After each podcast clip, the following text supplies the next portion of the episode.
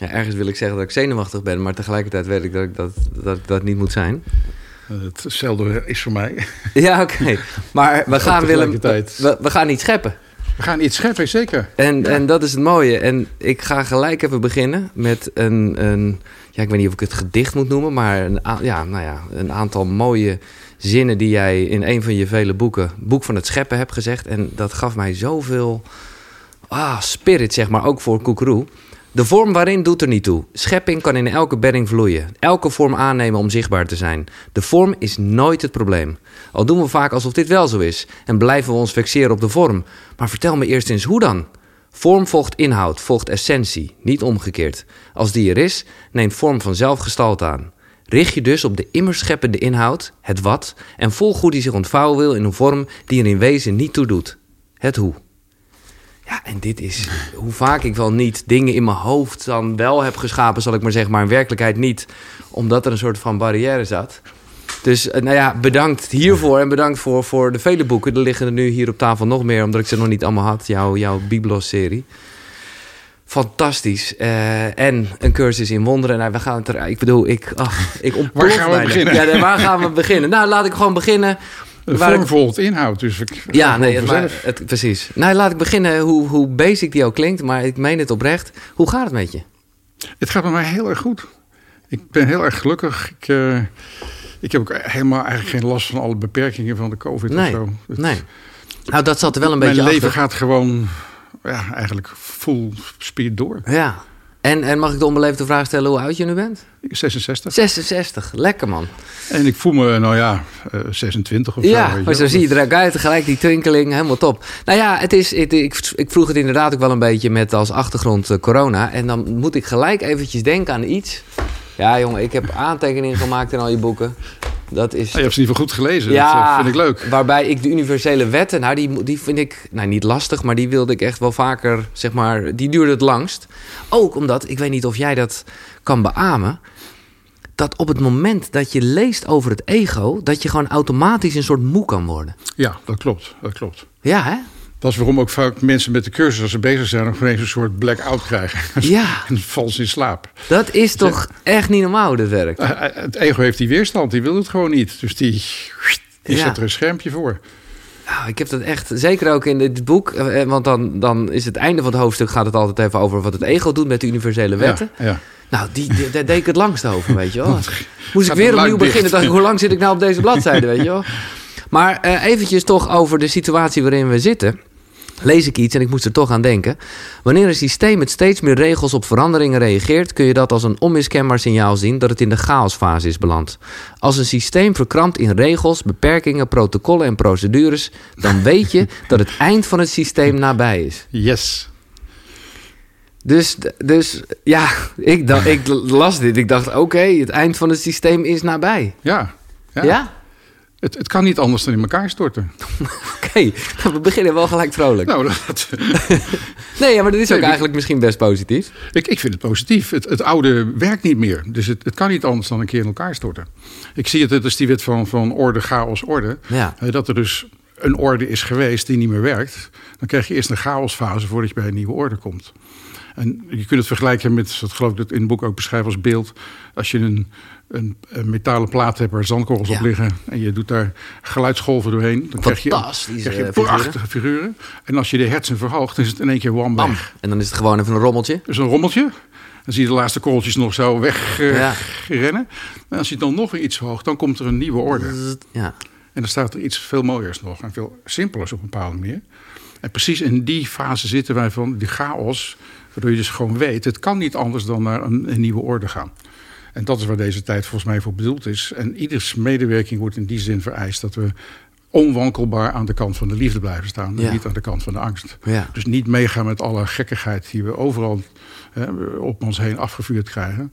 Maar gewoon, ik blijf aan de kant van de liefde staan. Ja. Dat is het tegenwicht wat we moeten geven. Nee, dat begrijp ik. Eh, maar er zijn ook veel mensen die daar bijna boos om worden als je dat zegt. Omdat je daarmee dingen zou ontkennen. Of, of nou ja, je snapt wat ik bedoel. Eh, Ja, maar we ontkennen het niet. We, nee. we zien alleen vanuit een hoger perspectief hoe het in elkaar zit. Ja. Maar wat zeg jij dan toch eventjes met de regeltjes die door eh, ons worden opgelegd? Hoe, hoe, Ja, hoe ga jij ermee om? Wat, wat, wat, wat, uh... Uh, het enige regeltje wat ik eigenlijk volg is een mondkapje als ik ja, de Jumbo in omdat je gewoon... ja, nee, ik, ik, voel heel erg wat je zegt. Dan moet je wel, dan geeft het weer zo'n gedoe. Ja, dan, precies. En dan beslaat mijn bril, dus ik heb er altijd een plastic ja. onder een andere en dan gaat het goed. Ja. Maar nog eventjes toch over die verandering dan waar we in zitten. Want ik ben blij en ik voel dat zelf eigenlijk ook wel dat je er zo positief in staat. Want ook in het kader van de wet van, van de ontwikkeling... Ja, de, ja, alles ontwikkelt zich, precies. Zijn wij nu uh, in, een, in een soort tussenfase op naar een, een uh, ja, nieuwe dimensie? Of hoe, hoe, praat jij daarover? Ik, hoorde, ik moet zeggen, er zijn tijden geweest dat ik dacht, waar hebben mensen het over? Maar inmiddels begin ik dat hele dimensieverhaal wel ietsjes meer te snappen. Nou, ik geloof in ieder geval dat we naar een, een nieuwe fase van bewustzijn onderweg zijn. Ja. Ik zeg ook wel worden opgetrild, dus alles krijgt een hoger trillingsgetal. En daarmee betekent het ook dat het oude, wat die trilling niet meer kan absorberen, in elkaar stort. Uh, vergelijkbaar met uh, in Japan bouwen ze huizen of wolkenkrabbers op grote uh, rubberen klossen. Ja. Dat als er een aardbeving, aardbeving, komt, dan absorbeert het gebouw het. En oude gebouwen die storten in omdat ze die trilling niet kunnen absorberen. Nee. Nou, wij zitten in, in, een vergelijkbaar iets dat alles wat zeg maar, die trilling kan absorberen, gaat naar een hoger bewustzijnsniveau. En dat geldt voor ieder persoonlijk. Het geldt ook voor grote structuren. Het geldt voor economie. Ja. Het geldt voor... Dus dat kan er of tegen of het klapt in. Het klapt in of het, of het gaat mee. Ja. Ja, en als je dus niet meegaat, dan klapt het in. Ja. En uiteindelijk uh, gaan wij allemaal mee. Want dat, het, ergens vond ik dat nog wel eng of eng. Ja, dat ik dacht van, hey, zitten we nou... Hey, is de ene verder dan de ander? Maar ergens lees ik ook een soort voorbeeld van uh, apen, geloof ik. Ja, die honderdste aap. Ja. ja. Dat als op een gegeven moment een kritisch aantal apen... in dit geval een bepaalde handeling verricht... Uh, dat hebben biologen uitgezocht. Uh, dat is een bekend verhaal over de honderdste aap. dat apenkolonie zat op een verschillende eilandengroep... En was, die groeven een soort knolletje op wat ze konden eten. Maar er zat wat zand aan. Dus een aapje liet het vallen in het water. En hé, hey, zonder zand is veel fijner. Dus die begon zijn aap aardappeltje te wassen. Ja. En dat ging de volgende doen, ging de volgende doen, ging de volgende doen. Op een gegeven moment zagen ze dat er een kritisch aantal was. En toen was het opeens op al die andere eilanden waar ze het ook aan doen. Terwijl ze dat niet, uh, nee. terwijl ze niet daar nee. bij elkaar waren. Nee. nee. Dat is nou, weer dat de connectie met elkaar. En Ja. Dat denk ik. Hè, Minds Eye Joint zegt de cursus. Denkgeesten zijn met elkaar verbonden, zijn één.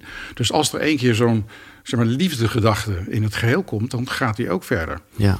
En daar heb je op een gegeven moment een kritisch aantal ook voor nodig. En iedereen kan dat tipping point zijn, waardoor je de hele boel ineens de andere kant op ziet gaan. Ja. Nou, daarom zijn we met dit soort werk bezig. Jij ook, om te helpen dat bewustzijn te. Ja, ik vind het gelijk heel groot, maar daar komen we Ja, straks nog op. Want ik merkte wel dat ik daar af en toe een beetje mee in de knel kom. Maar laat ik het wel inderdaad even bij de persoon houden. Uh, want je ontwikkelt je dus altijd, maar dan gaat het over fysiek, emotioneel, mentaal en spiritueel. Ja, En, en eigenlijk ook, dat is het hele mens. Hè? dat is het hele mens, precies. Maar, dus, maar dus, ja, en nu op een of andere manier ben ik zelf heel erg gefocust. Nou, ik heb eigenlijk ook wel fysiek met sport gedaan. Uh, spiritueel, nou ja, daar zou je dit van kunnen doen. Maar je, je, je moet alles een beetje tegelijk doen. dat is meestal werkt het het snelste. Ja. Ja. En, maar hoe ontwikkel je, ja, hoe ontwikkel je emoties en, en, en mentaal? In feite, nou ja, dan kan ik naar de cursus verwijzen. Emoties en mentaal. De cursus spreekt ons op onze denkgeest aan, hè, dus op, onze, op ons denken. Ja, Maar het gaat ook tegelijkertijd over onze emoties. De emoties worden niet weggeduwd. Maar wat je hier krijgt, is dat je gewoon heel goed leert kijken naar binnen. ja, En met name naar alle ego-toestanden die je daar hebt. En dat is hoe we het snelst ontwikkelen. Als we het ego in beeld krijgen en zien dat we dat niet zijn. ja, Hè, ons ego laat ons geloven dat we geïdentificeerd zijn met het ego. Dat er Ja. niks anders is dan dat. Nee. Als je dus dat gaat zien, en daarom zegt de cursus ook steeds: kijk naar je ego. Dan val je er niet mee samen als je kijkt. En dan kun je dus ook zien wat het doet en heb je een andere keuze te maken. En daar gaat het volgens mij in deze tijd überhaupt altijd al Ja, ja, over, ja. maar, Maar nu, nog meer. meer. dan ooit. Ik zeg even erbij, want jij noemt een aantal voor jou is dit je leven, de cursus. Alsof iedereen, eh, ik denk dat er mensen zeggen, oh, wel, waar kan ik de cursus bestellen? Alsof het een soort programma is. Een cursus in wonderen, daar heb je het over. Eh, De Course in Miracles. Eh, jij bent een van de medevertalers.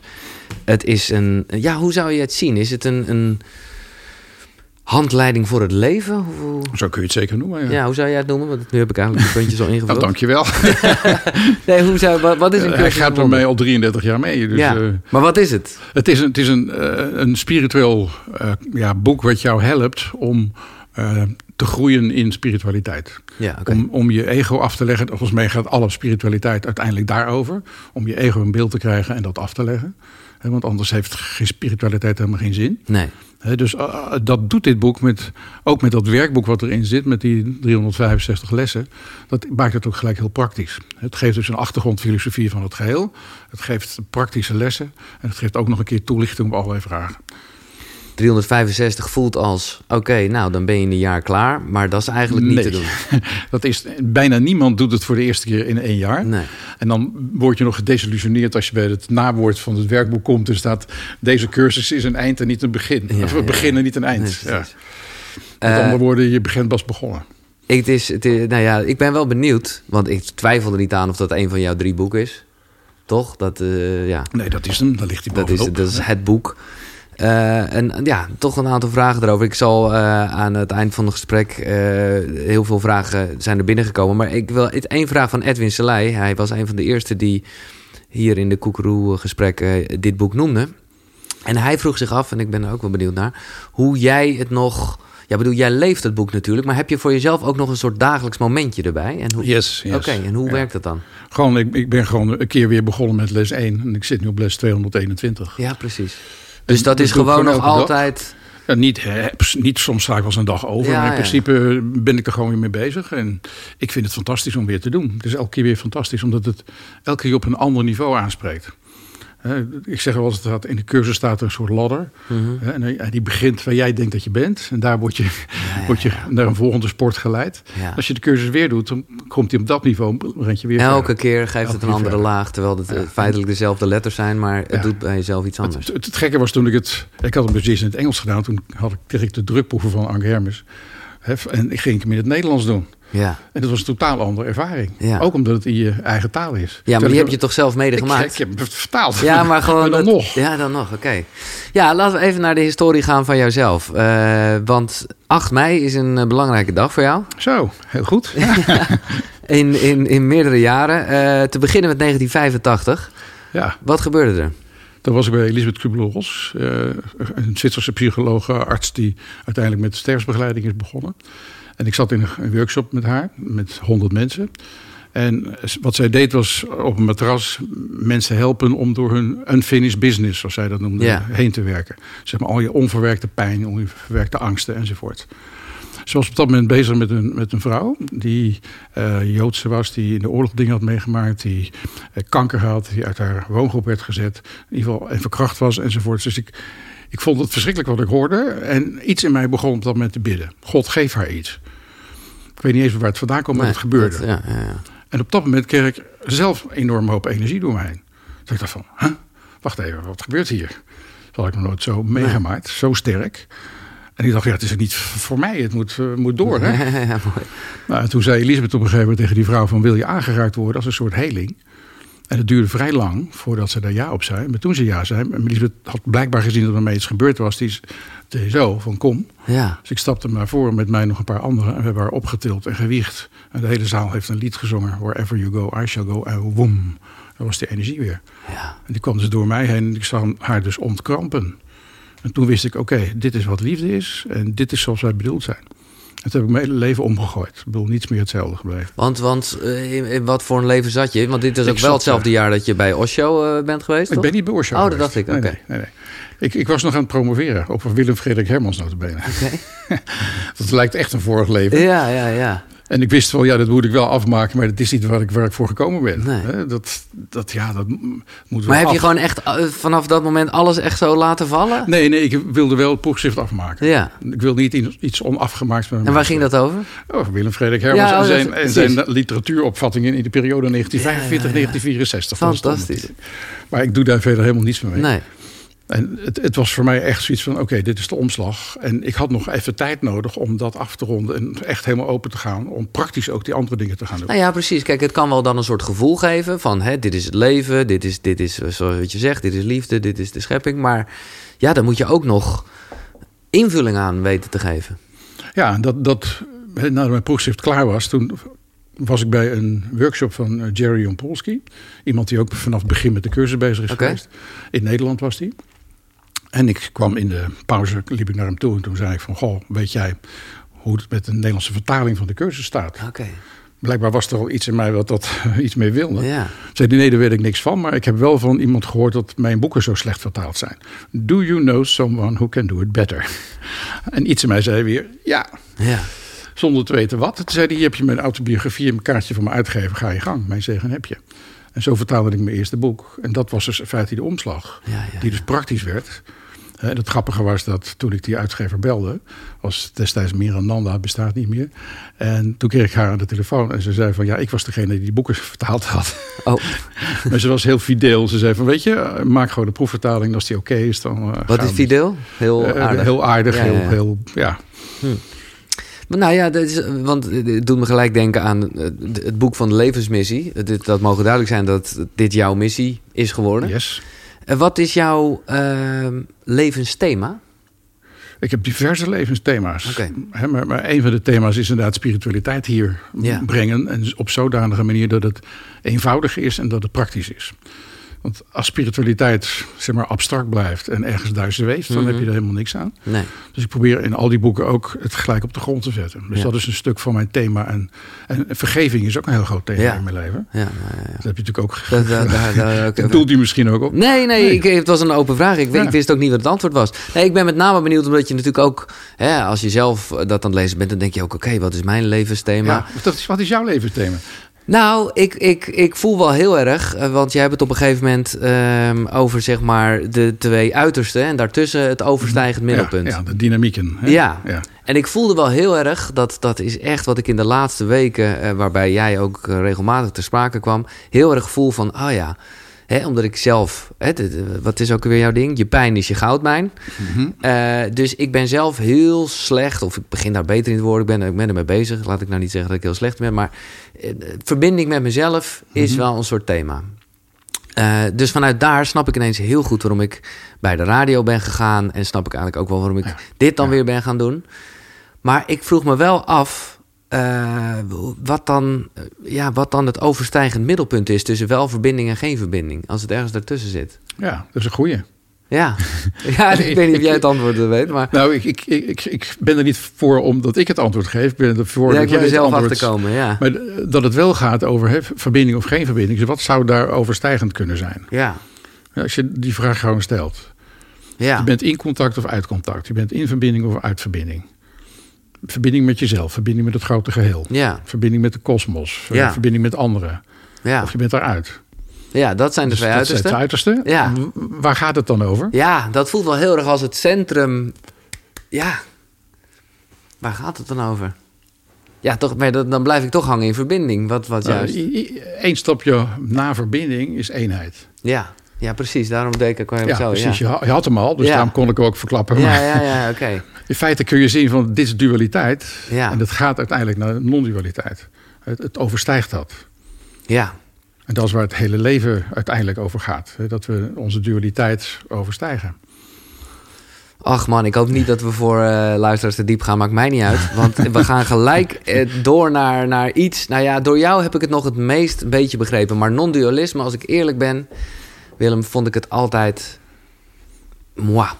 Je hebt Patrick Kik hier ook gehad. Nou ja, ik, heb- ik ben bij Patrick Kikker geweest. Ik heb hem nog niet durven uitnodigen. Omdat ik gewoon dacht, ik moet er gewoon nog wat verder in zijn over dit onderwerp. Nou, het boek van het zelf kan je daar ook in helpen. Het boek van het zelf, oké, die had ik Dat- nog niet. Die heb je mij eh, net gegeven, oké. Die gaat daar ook over. Oké, nou ja, ik heb er ook wel iets van geleerd in... Oh, want ik bedoel, thema's komen in hetzelfde terug. En Tuurlijk. in, in het, jouw boek van het scheppen... toen voelde ik al wel een beetje, oké... datgene wat we niet meer willen zien, dromen we nu buiten ons. Onze innerlijke tweestrijd wordt zo groot als een wereld... waarin alles twee is. Zo binnen, zo buiten. We denken nu lichamen, we denken links en rechts. Twee handen, twee voeten, twee oren en een mond. We menen licht en donker, liefde en angst te zien. We menen nu te moeten kiezen tussen goed en kwaad. De eenheid is opengeklapt tot tweeheid. En versplintert zich verder tot talloosheid en complexiteit. Dit is een beetje wat je bedoelt, hè? Ja, exact. Eh, hartstikke goed citaat dat je het zo snel kunt vinden. Ja. Nou, omdat ik wel dacht van, we gaan het hier over hebben hoe lastig ik het ook vind. Omdat, kijk, er kleeft iets aan. En ik weet inmiddels ook, eh, mede door jou, dat het iets is. Maar er kleeft iets aan als dat het dan allemaal niet zoveel zin zou hebben. Kijk, dat is een hele goeie. Oké. Dat is hoe het ego ermee omgaat. Hmm. Het ego zegt van ja, kijk, weet je, als je toch naar die eenheid moet, dan sla dit dan maar over. Hm? Ja, En dat werkt dus niet. nee. Je bent hier om, om juist liefde te leren, zeg ik dan. Ja. En om je bewust te worden over al die dingen. En dat is in feite het doel van hier op aarde zijn. In een dualiteit, waar alles schuurt. Waardoor je dus in feite sneller kunt leren doordat je een tegenpool hebt. Ja.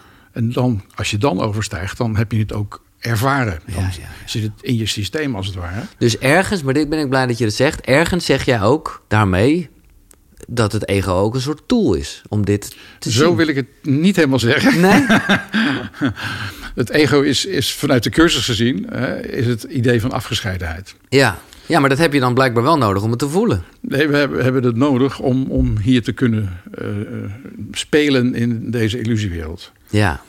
Ja, maar dit, dit wordt Dit, weer... is, dit gaat heel ver. Dus Nee, maar ik vind het goed. Maar dan, dat, ik vind het zo lastig om te eh, bevatten. Omdat, omdat, ik bedoel... Ja, oké, ik snap dat wat ik nu zeg echt een ego-ding is. Maar ik ben toch ik en jij bent toch jij. En we zijn hier twee. En ik, ik ben er wel mee eens dat uiteindelijk wij in eenzelfde soort bubbel zitten. En dus, ja, dus één zijn. We zijn één, Ja. absoluut. En ondertussen, als we dat nog niet ervaren, hè, dan zitten we nog steeds in de droom van afgescheidenheid. Ja, maar ik bedoel, jij hebt toch nu een gesprek met mij? Ja, dat klopt. Dat klopt. Dus dat zijn toch ergens ook twee dingen? Ja en nee. Het ligt aan welk, vanuit welk niveau je kijkt. Ja. Als je vanuit lichamen kijkt, en zit daar een lichaam, zit ja. hier een lichaam. Ja, ja, ja. Als je vanuit geest kijkt, dan zijn we op de geestelijke niveau zijn we nu samen iets aan het scheppen. Gewoon Ja, letterlijk. Ja, ja. Nee, dan komen we ook weer wat we eerder met de apen benoemden. Uiteindelijk zijn we connected. Helpt dat om het zo te zien? Mm, ja, maar kijk, het is, het is... Nou, ik vind het wel grappig. En dat is ook een beetje... Ik, ik, ik zal je eerlijk zeggen, een cursus in wonderen... Het boek ziet er onaangetast uit. Is ook zo. Omdat ik gewoon echt dacht... Ik ga, ik ga eerst van... Nou ja, ik zou bijna zeggen de meester... eventjes uitleg krijgen hoe ik dit boek eh, in mijn leven kan... eh, ja, een, een rol kan laten Ja. geven. En ik wilde gewoon eerst even je andere boeken lezen... voordat je hier eh, te gast was. En dit is ook niet even iets wat je snel uh, doorheen Nee, dit, is gewoon een, een boek dat gaat een hele leven mee. Ja, maar ik, ik heb het daar bijvoorbeeld met een Nan over gehad. Dat is Ja, onze, onze ja, connectie in deze. Precies. En dat merk ik ook een beetje bij jou. En dat is dus ook wel een beetje wat de cursus... Nou ja, ik, ik, waarom is dat zo ja, negatief over het ego? Ha. De cursus die schrijft over het ego eh, zodanig dat wij het gaan zien. Ja, En dan zegt hij ook van we doen alsof het bestaat, Ja. zodat je het kunnen beschrijven, zodat je er afscheid van kunt nemen, het kunt doorzien. Het cursus schrijft niet negatief over het ego. Hij zegt niet het ego is niet negatief of positief. Hij zegt uiteindelijk het is betekenisloos. ja, ja, ja. En dat is net wat anders. ja maar dat vind ik... De dat, betekenis die die eraan geven, doen we dus zelf. Mhm. De betekenis die we onze gedachten geven, die we onze wereld geven, dat doen we zelf. En juist door dat te zien, kun je dus teruggaan naar jezelf en kun je zien: oké, ik kan in vrede zijn wat er ook maar in de wereld gebeurt. Ja. Nee, Ook juist in deze tijd, Ja. ik dan. Maar ik vind, eh, ja, ja, je kan wel zeggen het ego bestaat niet. Maar ja, we hebben het, we hebben het hierover. In deze droom, hè, het gaat dus vanuit dat dit een droom is, Ja, hebben we een ego, dat klopt. ja, Hè, en daar, daar spelen we mee. ja. Ja, En ik vind dat, en ik snap ook heel goed wat je zegt hoor. Het is allemaal een beetje definitie geneuzel misschien. Maar ik denk dan, ja, ik kan er gewoon wel steeds meer om lachen. En het, en dat het- is het beste wat je met ego kunt doen. Oké, ja. Maar dan heb je hem dus eerst te zien. Ja, nee, precies. Als je me ziet, dan denk je, oh god. Dan eh, gaat hij weer, gaat ja, hij weer. Ja. Ja. Maar ik vind dat wel, ik bedoel, ik ben er ook wel dankbaar voor. Ik denk niet heel erg, oh nee, ego, ik mag geen ego hebben of zo. Of dat, ja, Dat- daar dat- zit ik mee in een soort strijd, laat Ja, ik dat eerlijk dat zeggen. zeg ik bij mezelf ook niet. Ik mag geen ego hebben. Ik heb het en ik loop er tegenaan. Ja, Maar dan heb ik een middel gekregen dankzij de cursus om daarmee om te gaan. Door te zien van oké, dit, dit is mijn ego wat praat. ja, En ik kan zien, dit gaat me niks brengen. Dit is niet zinvol. Het is, als ik een aanval op een ander heb, krijg ik zelf ook pijn. ja, exact. En als ik dat dus zie, dan weet ik van oké, ik kan stoppen met een ander beschuldigen. Want ik heb er zelf ook last van. Gewoon heel, heel Mhm. bazaal. Ja, ja, ja. Nou, dat alleen al, dat inzicht kan ervoor zorgen dat je gaat, stopt met oordelen. Omdat Ja. je ziet, elk oordeel is in feite iets wat mij pijn doet. ja. Nou, dat is een van de lessen in de cursus ook. Dat, dit vind ik zo helder en praktisch. is mooi, ja. Hè, dus door het ego in beeld te krijgen, kun je dit soort dingen doen. Dan kun je als het ware een stap terugzetten. ja. En dat ego even laten spelen. Oké, maar ik ga, ik ga niet met je meespelen. Ik dans niet mee vandaag. Nee, exact. En heb je nog een, nog, bedoel je zegt bekijk je ego. Heb je nog andere tools hoe je je ego kan uitzetten of in ieder geval bewust ervan zijn? Het, het is vooral monitoren. Ja, Voortdurend waakzaam zijn in wat hij, wat hij te vertellen heeft. En zeg maar, de, daar doorheen kijken. ja, ja. ja. En zien dat het in feite, nou, wat de cursus dan noemt, betekenisloos is. Dus je kunt heel serieus gaan kijken. Oh, het ego, nou, het geeft allemaal dingen en ik moet dat in geloven en ik moet erin mee. Vaak blijf je dan in cirkeltjes ronddraaien. Ja. Dat zul je ook herkennen. Dat je, Ja, ja, zeker. Ja. En de manier waarop het eh, uit een cirkel stapt, is door het ego te doorzien en een, een andere daad te stellen. Dus zeggen, ik ga niet in die cirkel mee, ik stap er nu uit. Gewoon letterlijk. Ja, Maar humor, als je om het ego kunt lachen, ja. dan kan die gewoon eigenlijk niet meer bestaan. Nee. Het ego Nee, ongelooflijk serieus genomen worden. Maar daarom, en ik snap hoe je het zegt nogmaals, ik hou erover op. Maar als jij dan weer zegt net betekenisloos, denk ik, nou ja, het Ja. zegt dus wel iets. Het, ik bedoel, niet dat je er eh, van naar moet leven, maar het feit dat je nou ja, bepaalde gevoelens hebt, dat betekent wel dat je er iets mee moet. Ja, die, dat zijn signalen, dat zijn Ja, dat boodschappen. bedoel ik te zeggen. Ja. Dus dan vind ik het niet helemaal betekenisloos, dat bedoel ik te zeggen. Nee, maar die bete- het, is, het is in feite, laten we dan zeggen, neutraal. Ja, En alles wat je erop legt, dat komt van jou. maar ik heb Helpt dus... het beter? Ja, ja, het helpt beter. Het helpt beter. Maar ik vind het wel. ehm, eens even kijken. Ja, op een gegeven moment heb jij het erover dat als je iets schept, Mhm. dat is, dat is eigenlijk of je schept iets vanuit liefde, of je schept iets vanuit ego. Ja. En, en ja, het kan niet alle twee. Maar ik vind, ik vind dat lastig, omdat ik, nou ja, neem nou bijvoorbeeld deze eh, podcast. Ja. Eh, dat is, dat durf ik te zeggen, vanuit de, mijn eigen intentie. Ja, de, de, de, de intentie is echt oprecht. ja. En daar gaat het al over. Het gaat over de intentie. Ja, maar ja, eh, dan krijg je lof, dan krijg je mailtjes van mensen die zeggen: Oh, ik heb er zo Ja, van gehad. Een heel mooi voorbeeld. Ja, en dan begin ik gelijk, denk ik, oh, dat vind ik leuk. Maar oh shit, eh, ego, eh, ja, ik, dan, dan, dan ineens begin ik te twijfelen. Oh shit, is dit koekeroe, is dit wel, is dit wel goed? Nou, maar je- het gaat er om je oorspronkelijke intentie. Ja, En de intentie waarmee je iets doet, komt altijd naar je terug. Dus in dit geval komt jouw oorspronkelijke intentie terug in de mails en de dankbaarheid die je van andere mensen oogst. ja, En dat mag je gewoon aanvaarden. ja, Je hoeft daar niet te gaan zeggen, behalve hè, als het ego er een heel groot verhaal van gaat maken. Van kijk mij eens wat ik allemaal aan het doen ben. Mhm. Dan, dan zit je in de speciaalheidkant van het ego. Maar als je gewoon die dankbaarheid gewoon ontvangt. ja. Het is Maar ook hoe- een, een geschenk aan de ander om, om de dankbaarheid te ontvangen. Ja, nee, ja, precies. Nou ja, dat vroeg ik me af. Want ik bedoel, nou ja, dat zie ik in de reacties die ik krijg op het moment dat ik zeg dat ik jou eh, te gast heb. Hoe ga je daar zelf mee om? Is dat voor jou ook nog een strijd? Want het is wel, ja, voor mij is Willem Glaudemans eh, eh, een fenomeen. Jij zal helemaal veel mensen hebben die dankzij jouw boeken en inzichten en je vertaling van een cursus in wonderen, nou ja, echt bijna knielend op de grond eh, gaan. Nou, dat alsjeblieft niet. nee, nee. Als ze dat gaan doen, dan zeg ik alsjeblieft niet. ja, Ik moet even denken aan Bill Tedford. De, degene die eh, zeg maar, naast het ontstaan van de cursus heeft gestaan met Helen uh, Schuckman. En die heeft dat dus ook aan zijn fiets hangen. oké, ja. En hij, hij zegt hier, ze had heel veel humor die man. En hij zegt, als ze dat deden, dan gingen ze roken. En dan zei ik vijf keer shit. Ja, ja, elkaar. gewoon even helemaal... eh, dat, daar hou ik van. Ja, ja, ja, begrijp ik ook dus wel, ja. d- dat, is, dat geldt voor mij ook op een bepaalde manier ook. Dat ik gewoon, ik wil daar niet in. Ik wil niet, niet die goeroe zijn of Nee. zo. Dan zeg ik altijd, ja, goeroe in het eerste lettergreep houdt het ego zich al verborgen. Als je G-O-E, ego vermaakt, dan heb Mooi, je al. mooi, mooi. En Dus dat wil ik helemaal niet. Nee. En ik wil juist benaderbaar zijn voor iedereen. Maar toch, ja, niks menselijks is jou vreemd. Dus hoe, hoe eh, want je zal toch ook momenten hebben dat je toch even een, een, een, ja, een prettig gevoel krijgt nadat iemand, eh, Ja, dat, dat mag ook. Je Ja, mag ook mag. gewoon die dankbaarheid, wat ik net al zei, die dankbaarheid mag je oogsten. Maar je gaat er niet mee aan de haal. nee, Als ik ermee aan de haal zou zijn, zou ik zeggen, nou kijk eens wat geweldig. En ik hou het allemaal bij hoeveel ja, ja, ja. ik heb gehad of zo, weet ik veel. ja, dat is wel weer gelijk het andere uiterste. Ja, dat is het ego wat ermee aan de haal gaat. ja, ja, En natuurlijk, eh, het, het, het helpt je ook om te zien, ik doe mijn missie. Hè? Want ik krijg positieve reacties erop. En dat is, dat is in ieder geval eh, niet dat je die bevestiging nodig hebt, maar het is wel fijn om te zien van oké, ik, ik, ik loop mijn pad en Mhm. het heeft enig effect op andere mensen. ja. Maar het is zo, het is zo'n dunne lijn, weet je. Zeker bijvoorbeeld Ja. als ik denk aan social media, dan ga ik echt posten van oké, ik heb die te gast, dit en dit. En ergens denk ik, oh ja, dit is dus heel erg, kijk mij nou. Dat kan ja. Ja, en dan nog steeds zo is het niet kijken bedoeld, maar ja. met welke intentie Ja, precies. Ja, ja, ja. Is het de intentie van ik wil het bekendmaken Ja. dat die of die in de podcast komt? Hmm. Of is het van eh, ik wil gewoon even belangrijk zijn? Nee, dat Nou, is waar. Dan heb je hem. Ja.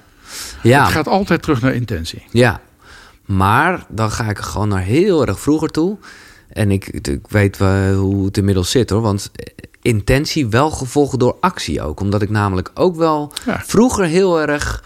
Hè, toen ik hier met dit soort dingen niet bezig was... maar heel erg voor mezelf, het ego dan... zeg maar de intentie al goed praten. Zo van nou, ik weet dat ik het goed bedoel. Hè, dus dus Ja, ja, dat- dat is al genoeg. Nou, dat kan het ego zeker doen. Ja. Ja. Die kan daar weer een laag overheen leggen. Dus alleen intentie... En, ja, en, en waakzaamheid zeg ik dan. Ja. Dus kijk naar je ego, ook als hij met de intentie aan de haal gaat. Dat kan die, natuurlijk kan die dat. Ja, ja, ja, ja. ja. En natuurlijk met intentie heb je nog wat meer nodig voordat het gemanifesteerd is. Hè? Dat is die, die wet van creatie. En, en, en daarin kun je al zien van als een intentie zuiver is, dan zal de schepping ook zuiver zijn. ja. En dat is, dat is een hele mooie wetmatigheid om, om van daaruit te leven. Dat vind ik echt een mooie. En goed ook dat je nog even zegt. De wet van aantrekkingskracht is een uh, veelbesproken wet ook hier. Uh, jij hebt hem net even iets gefine-tuned. Uh, de wet van uitstraling en aantrekking. En nou ja, dat gaat hier een beetje... Uh, nou, ja. dat is een beetje waar we het hier nu over ja, hebben. Precies. Uh, kijk, dus ga niet een sportwagen wensen. Ja, tenzij je daar echt van plan bent heel veel mensen mee te helpen. Bijvoorbeeld. Maar, Kijk, ik zeg, het universum laat zich niet foppen. Dus nee. als jij met iets denkt van... oh, nu wil ik uh, een kasteel of zo, ja. een landgoed, tralala. Hè? En als jouw intentie is, dat is om een rijkdom te laten zien, dan gaat het niet werken. Nee. Het zou kunnen zijn dat je een landgoed nodig hebt om daar bijvoorbeeld een spiritueel centrum te stichten ja, of nee, iets anders exact. te doen. Ja. Of, of uh, asielzoekers op te vangen, ik noem maar iets. En dan heb je meer kans dat er iets gebeurt, omdat jouw intentie zuiver is. En dan heb je kans dat er dus dingen naar je toe komen. Ja. En dan creëer je dus eigenlijk vanuit die intentie. En dan krijg je vanzelf eigenlijk een soort medescheppers die naar je toe komen en die mee gaan helpen. Ja, ik moet zeggen, Christine van Cosmic Lives, en noemde jou ook nog, die heeft daar wel echt mooie dingen over gezet, waardoor je ook met de intentie meer gaat mediteren. En je gewoon wel heel erg voelt, dat lees ik ook in jouw boeken terug, dat het wel echt niet alleen goed voor jezelf moet zijn, maar gewoon ja. goed voor, ja. Uh, nou ja, voor iedereen. Voor dus iedereen. voor... En het moet dus zuiver zijn. Ja. En het moet van binnenuit kloppen. Je kunt niet gaan zeggen, nou, ik, ik wens iets en ik doe alsof ik dit van nee. binnen ook heb. En dat nee. ga ik nu lopen Je kan jezelf natuurlijk ook niet fucken. Nee, nee niemand kun je fucken of foppen. Dat gaat niet werken. Nee. Wat ik dan wel weer, maar goed, dat is weer een ego-dingetje, laat ik niet te veel uh, mee doorgaan. Uh, is, is. Je bent welkom hoor. Nee, maar ik vind dat dat is gewoon natuurlijk ook een beetje mijn strijd. Of ja, uh, nogmaals, ik kan er gelukkig in ieder geval wel een beetje aanschouwen ook meer. Maar ik vond jou best wel kritisch over uh, doorzettingsvermogen. Terwijl, ja, ook als we het hebben over ontwikkeling van fysiek, emotioneel, mentaal, spiritueel, gewoon het ontwikkelen van jezelf. Ja, een beetje, een beetje. Ja. Klein zweepje is toch ook wel goed? ik, ik heb dat doorzettingsvermogen, denk ik, gebruikt in de context dat je opzij moet gaan met je eigen plannen. Ja. En vroeger leerden wij als er een hefboom op de weg was, doorgaan. Ja, ja, ja, zo. En dat werkt niet als je die signalen niet verstaat. Als je gaat zien van hier moet ik dus blijkbaar niet zijn, want er is een hefboom op de weg. Dan kan ik beter even stil worden en kijken wat is dan wel de bedoeling. En dan ergens anders naartoe gaan. Vroeger leerden wij huppakee dwars door die, al die dingen heen, al die grenzen en huppakee dwars doorheen. En dat gaat niet werken, want dan ben je niet open voor iets groters, wat misschien iets anders met jou van plan is. En daar gaat het eigenlijk over. Dus dat je, je kunt creëren, maar zet je eigen plannen tegelijkertijd opzij. Ja. En, en laat ook gewoon ja, de tijd zeg maar zijn werk doen. Ja, en iets groters zijn werk doen. Jij zei al uh, dat vergeving ook een belangrijk uh, thema is in jouw uh, leven. ja, jouw vader heeft daar een belangrijke rol in gespeeld. Ja. Nou ja, wat, wat wil je daarover zeggen? Dat mijn vader is in feite nu, zoals ik hem nu zie, niet toen ik 18 was, maar nu wel, mijn grootste leermeester in vergeving. Ja. Omdat hij mij gepest heeft. En echt vanaf heel jong tot, tot ik het huis uit ging, zeg maar. En dat was voor mij iets van, ja, ik kan nooit tegen hem op. Ik uh, kan alleen maar boos zijn. Ik haatte hem in die tijd. En toen kreeg hij een ongeluk en toen dacht ik, nou, misschien is het maar goed als je doodgaat. Ja, hij werd van zijn fiets geschept. Hij werd van zijn fiets geschept door een auto en hij viel met zijn hoofd eerst op de motorkap en toen op de asfalt. Bam. Maar goed, dat... ik neem toch aan dat je op dat moment ook eh, wel echt dacht, oh mijn vader. Ja, natuurlijk. Ja, dus dat was tuurlijk, ook een dus soort allebei uh, verschillende emoties door ja, elkaar. Ja, ja, ja. ja. Maar ook de, daarna, ik heb dat vergevingsstuk met hem gedaan. Hè, daar ben ik heel dieper gegaan om dat los te maken en schoon te maken. Want heb je daarna, kon je daarna nog met hem connecten? Of was hij zo uh, geraakt? Hij was, hij was even, hij daarna toen hij uit het ongeluk kwam en, en anderhalve maand coma, kwam hij al uit als een kind van drie. Oké. Dus je kon niet meer met hem praten. Nee. Maar het grappige was, in feite was hij eerst was hij heel hard en autoritair. En toen was hij heel zacht. En hij had hij zijn emoties ineens. Wat we voor die tijd nooit gezien hadden. Maar wist hij nog wel wie je was en zo? Jawel, dat wist hij zeker. Oké. Ja, ja, maar hij, hij kon niet meer echt uh, communiceren. Nee. Hij las de krant ondersteboven, weet je wel. Oh, wow. Maar hij kon ook niet meer pesten in ieder geval. Ja, dat deed hij ook niet meer, want dat, hij, hij had daarin ook een soort ervaring meegemaakt. Je zou kunnen zeggen, dat is een kleine bijna doodervaring. Heeft hij één keer iets over gezegd tegen mijn moeder. Wat zij met mij heeft verteld. Dat hij even zeg maar, bij de poorten van de dood geweest is en Mhm. teruggekomen is. En toen zag van, dat hij mij altijd gepest had. En dat hij daar eigenlijk spijt van had. Oh, wauw. Maar dat had ik in feite, dat hoorde ik pas later. Ik was al met dat vergevingsstuk begonnen. Ja. En dit helpt natuurlijk zeker wel als je dat hoort. Maar tegelijkertijd gaat de vergeving niet over de ander die iets zegt. Het gaat over jou die zeg maar, de dingen van binnen schoonmaakt. En dat heb ik daar ook in geleerd. En ik merkte dat vergeven klaar was toen ik een boek van Frans Kafka las over zijn vader. Brief aan mijn vader. En daar herkende ik allerlei dingen van mijn vader in. Maar er trilde niks meer mee van binnen. Dus toen wist ik, oké, feitelijk kan ik er gewoon naast gaan liggen. En zeggen van ja, herken ik allemaal. Mhm. Maar het, het verhaal was gestopt. Het was weg. Ja, En toen wist ik, het is, het is nu klaar. Ik heb hem echt vergeven. mooi. En dat is, eh, was, was, hij, was hij toen nog levend? Nee, toen, toen was hij al dood. Oh, oké. Ja, ja. Maar goed, even hard gezegd, dat had misschien dus ook allemaal niet zo heel veel uitgemaakt, omdat hij al ja, niet meer je vader was zoals. Hij, hij was in feite mijn kind geworden. De rol draaide om. Ik stond naast mijn moeder om voor hem te zorgen. Ja, ja, ja. Dus dat was een totale omslag. Hè, is wat ik al zei, het bewustzijn van een kind van drie. Maar hij heeft Ja. één keer, dat, is, dat hoor je ook wel van, van Alzheimer-patiënten, dat ze eventjes weer er zijn. Ja, Dat was bij hem ook. Hij was geen Alzheimer, wat gewoon heb, veel epilepsie in zijn hoofd gehad. ja, ja, ja. Hij heeft één keer ging hij weer rechtop zitten. Hij keek mijn moeder aan. Ze hebben een uur lang over alles kunnen praten. Echt tot in de diepte. En toen... pst, Weer in die andere staat. Wauw. Dat is bijzonder. Ja, vergeving. Jij hebt daar echt. Ik, ik, ik, ik ben heel erg. Ik hou onwijs van taal. Dus ik vind het fantastisch hoe jij daar dingen mee kan doen. En, en dat heb je ook met de subtitel van eh, het boek van vergeving: Een gids van wond naar wonder. Eh, nou ja, de overtreffende trap van wond is dus wonder. En ja, je zei het net al de kern eigenlijk, dat vergeving vooral bij jezelf ligt. En, en eh, dat er eigenlijk geen schuld bestaat. Dat klopt. Maar dat is natuurlijk wel dat moeilijk. vindt eh, het ego niet... eh, die kan daar niks mee. Nee. Maar goed, waar, Maar waar als, denk als we ik- heel, heel klein beginnen, hè, Ja. waar vergeven over gaat. Wat we meestal doen, is daar is iemand die iets fouts gedaan heeft in onze ogen. Eh, dus die moet eigenlijk eerst veranderen of boete doen. Ja. Eh, en dan kunnen we misschien gaan vergeven. Dat is de manier waarop het ego dan naar kijkt. Dus die blijft altijd met die ander bezig. Ja, Ook van als ik nou maar begreep waarom hij dat zo gedaan had. Hè, bijvoorbeeld als ik mijn vader nou maar begreep, dan. Hè, ik weet dat hij ook gepest is in zijn Ja. jeugd. Maar dat maakt niks uit. Dat maakt helemaal niks uit. Want je gaat nog steeds met die ander en niet, je gaat niet naar binnen. nee. Plus het feit, ja, je kan het verleden niet veranderen. Nee. Nee, daarom zeg ik wel, vergeven is het loslaten van alle hoop op een beter verleden. Ja, Hè, want je kunt eindeloos blijven denken van ik hoop dat er iets nog... En dat kan niet. Dus het is in feite accepteren dat het verleden precies was wat het is geweest en niet iets anders. ja, En dat is ook een lastige.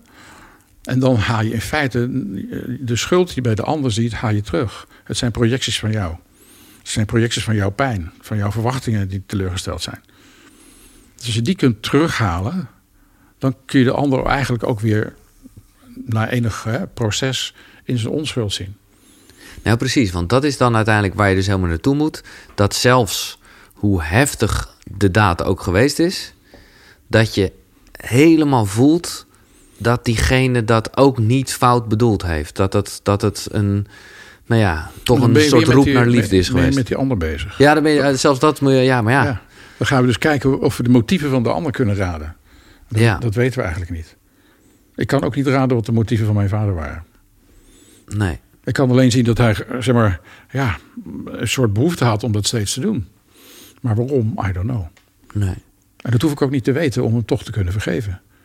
Want in het andere geval blijf ik bezig om te zoeken van wat zijn zijn bewegingen. Ja, ja, ja, je zegt het heeft niet eens. Nee, nee. En dat is eindeloos. Nee, plus het feit dat is dat een soort bekende paradox dat als je heel erg bezig bent met loslaten, dan ga je het natuurlijk zeker niet loslaten. Dan ben je het aan het vasthouden. ja. Maar ja, ja, ja. Daarom is het, het, het, het vergeven, is, is een, hè, dat beschrijf ik in het boek ook, is een van de twee manieren is loslaten. Maar dat gaat dus dat je onderkent wat je verwachtingen zijn geweest over die ander. En die kun je alleen maar in positieve termen formuleren, uiteraard. Ja. En dan gaan zien, maar dat was niet zo. Ik had liever gehad dat, nou ja, mijn vader had mij gepest, dus ik had liever gehad dat mijn vader vriendelijk voor mij was geweest. En dan zeg ik, maar dat was niet zo. Dus ik laat nu die verwachting over hem los. Ja. En ik adem uit. En zo doe je het met al die aspecten die je, waar je tegenaan loopt. En dat is wat het schoonmaakt. Nou ja, er zijn, dus jij zegt dat er zijn twee manieren. Dat is, Ja. eh, of eigenlijk vier, als je ook vergeving naar jezelf toe. keer precies, twee en dan. twee en twee, ja. En dan heb je dus eentje. Nou, dat is een beetje volgens een, een, een stappenplan waar, zoals je het net eh, omschrijft. Ja. Dus heel erg accepteren. je kan het niet veranderen. En? En dus die, die stappen zetten van, ik had liever gehad dat jij, maar dat was niet zo. Nee. En dan is er een, ja, dat, dat, is, dat is wel een soort, ja, bijna nou ja, wonder. Dan voelt alsof het eh, niet bestaat. Maar, eh, nou ja, hoe kan je die andere uitleggen? Ik laat het lekker bij jou. Die, die heb ik uiteindelijk in het boek Overgave genoemd. Overgave, ja, dat is een mooie. Ja. En die is eigenlijk ontstaan doordat ik ik was een groep aan het geven en in de pauze kwam iemand naar me toe en ze zei van eh, ik heb dus mijn, mijn zwager is net overleden een dag of twee geleden en hij wordt dinsdag aanstaande begraven. Het was een zaterdag. Ik kan eigenlijk niet naar zijn begrafenis toe, want ik, ik haat hem. Wat hij met eh, mijn, mijn zus en met de kinderen gedaan heeft, ik vind het zo verschrikkelijk. Ik kan gewoon niet naartoe helpen. Nou, we hadden tien minuten in de pauze. Dus toen zei ik, oké, je hoeft het verhaal niet te vertellen wat er allemaal gebeurd is. Maar geef dit geheel, hè, sluit je ogen en geef dit geheel... wat we dan vanuit de cursus noemen de Heilige Geest. Dus je kunt zeggen de liefdesbron. Ja, Nou, ze deed haar ogen dicht. En ik wist dat de Heilige Geest, want ze was ook met de cursus bezig... dus die taal verstond ze. Ja, Dat was hem mooi meegenomen. Ze deed de ogen dicht, ze zat vijf minuten. Ze deed de ogen open en ze zei, het is weg. Ik zeg, "Mm, wat? Je hebt dit twintig jaar... Hij zegt, het is weg. En dat het weg was, bewees ze daarna. Ze ging zowel naar de begrafenis toe, die dinsdag... als toen ik dus daarna voor mijn boek vroeg... kun je dat nog eens opschrijven? Toen zei ze, ik weet werkelijk niet wat ik tegen hem had. Nee, Ze van, dus dat verhaal is echt verdampt. ja, Op deze snelle manier. ja. Nou, toen dacht ik, oké, als dit dus ook zo werkt... dan hebben we dus een tweede manier. En uiteindelijk vond ik hem ook terug in de cursus. Maar een manier om te zeggen, oké, ik kijk die dingen van het ego aan. Hè, alles wat ik dus pijn heb geleden aan die ander. Al mijn oordelen, al mijn schuldprojecties enzovoort. En ik geef het nu aan het licht. Vanuit het hele simpele idee... dat duisternis niet kan bestaan waar licht is. Nee. En dan verdwijnt het dus. ja. En dat noemen wij wegschijnen. Dat is een term uit de cursus. Dan schijnt het licht eenvoudig dat andere weg. En maakt alles ongedaan erin. En dan heb je dus een, een bijna directe ervaring van, van vrede en van bevrijding. Over Nou, dit onderwerp. Over dit onderwerp. Ja, ja, ja. En dat vond ik zelf ook even wonderlijk hoor. Bedoel, Nee, maar ik voel wel wat je zegt. Als je daarmee een connectie maakt met. Nou ja. het, het kan niet meer bestaan in het Nee. licht. Dat is zo, dat, Nee. Nee, zo is het. Ja, ja, ja. Maar jij hebt gewoon wel het stappenplan gedaan, zeg maar. Jij was er wel even druk mee met je ego en je Met vader. mijn vader was ik... eh, toen had ik die tweede ook nog niet. Hè? Nee, precies. precies. Ehm, dan, dat, dat, dat, gaat wel over dit vergeving ook. En dat vind ik een mooie... eh, maar die voor mij, die mij echt wel raakte. Dat, dat bestaansrecht is iets waar ieder mens toch wel mee bezig is of zo. Of hè, ben ik goed genoeg? En dat, dat bestaansrecht echt van je ziel komt en niet van een ander. Ja, ja. Hoe, ja, hoe kan je dat beter voelen? Door, door de signalen van je ziel te zien.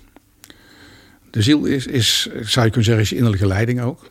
Die laat je eigenlijk heel precies zien waar het een ja is en waar het een nee is. En als je dat steeds meer volgt, dan krijg je een totaal ander leven. Dus ook wel je, ook een beetje je intuïtie volgen. Is dat ja, je intuïtie, zo Ja, kun je het noemen. Je Ja, intuïtie, je hoger zelf, je innerlijke leiding, geef het een naam. Die namen maken helemaal niet uit. Nee. Je hebt allemaal zo'n kompas van binnen. Ja, Ik noem het kompas voor de waarheid. Je weet wat klopt en wat niet klopt. Je weet wat zuiver is en wat niet zuiver is. Dat weet je gewoon. En je weet ook wanneer je dingen doet die niet zuiver zijn. Je ego kan er nog een verhaal overheen maken, maar stiekem weet je het. daaronder Ja, maar dat weet is je het ding, het. hè? Ja. Nou, dus dat is in feite de, de stem die, van je ziel of van je hoger Ja. zelf, net hoe je het zeggen wil, die jou kan leiden, mits je ernaar gaat luisteren. En hoe meer je er naar luistert, hoe meer vertrouwen je ontwikkelt Ja. in die stem. Ook dat kan je trainen dus. Dat, dat train je. De cursus is daar gewoon een, een trainingsmanual voor om dat te doen. Precies. De cursus noemt dat dan de Heilige Geest, maar je kunt het ook je innerlijke leiding noemen. Dat maakt helemaal niet uit. Hmm. Oké. Weer een extra reden om de cursus te gaan doen? nou, sowieso hoor. Ik eh, twijfel Nou ja, aan. en de, de cursus doen, dat is, dat is een commitment Ja. wat je aangaat met jezelf. Hij zegt het is een verplichte cursus. Ja, ergens op een bepaald niveau is het een verplichting aan je ziel van jezelf. Ja, zo. Niet een uiterlijke verplichting, Nee. maar een innerlijke verplichting. Ja. Nee, want anders voelt het weer eh, Anders, bijna... eh, dat maakt het ego ervan. Ja, Ja, dan, moet ik nog aan die verplichting voldoen ook. Weet je? Maar als we het hebben over, eh, nou ja, ook wel intuïtie, ziel, nou ja. Dan vind ik het soms, ja, waar liefde is, kan geen angst zijn. Ja, Ja, maar ergens is toch juist, en dit is misschien heel erg projectie vanuit mezelf hoor, maar is Misschien is het dat dan ook. je hart openen. Ja, Hè?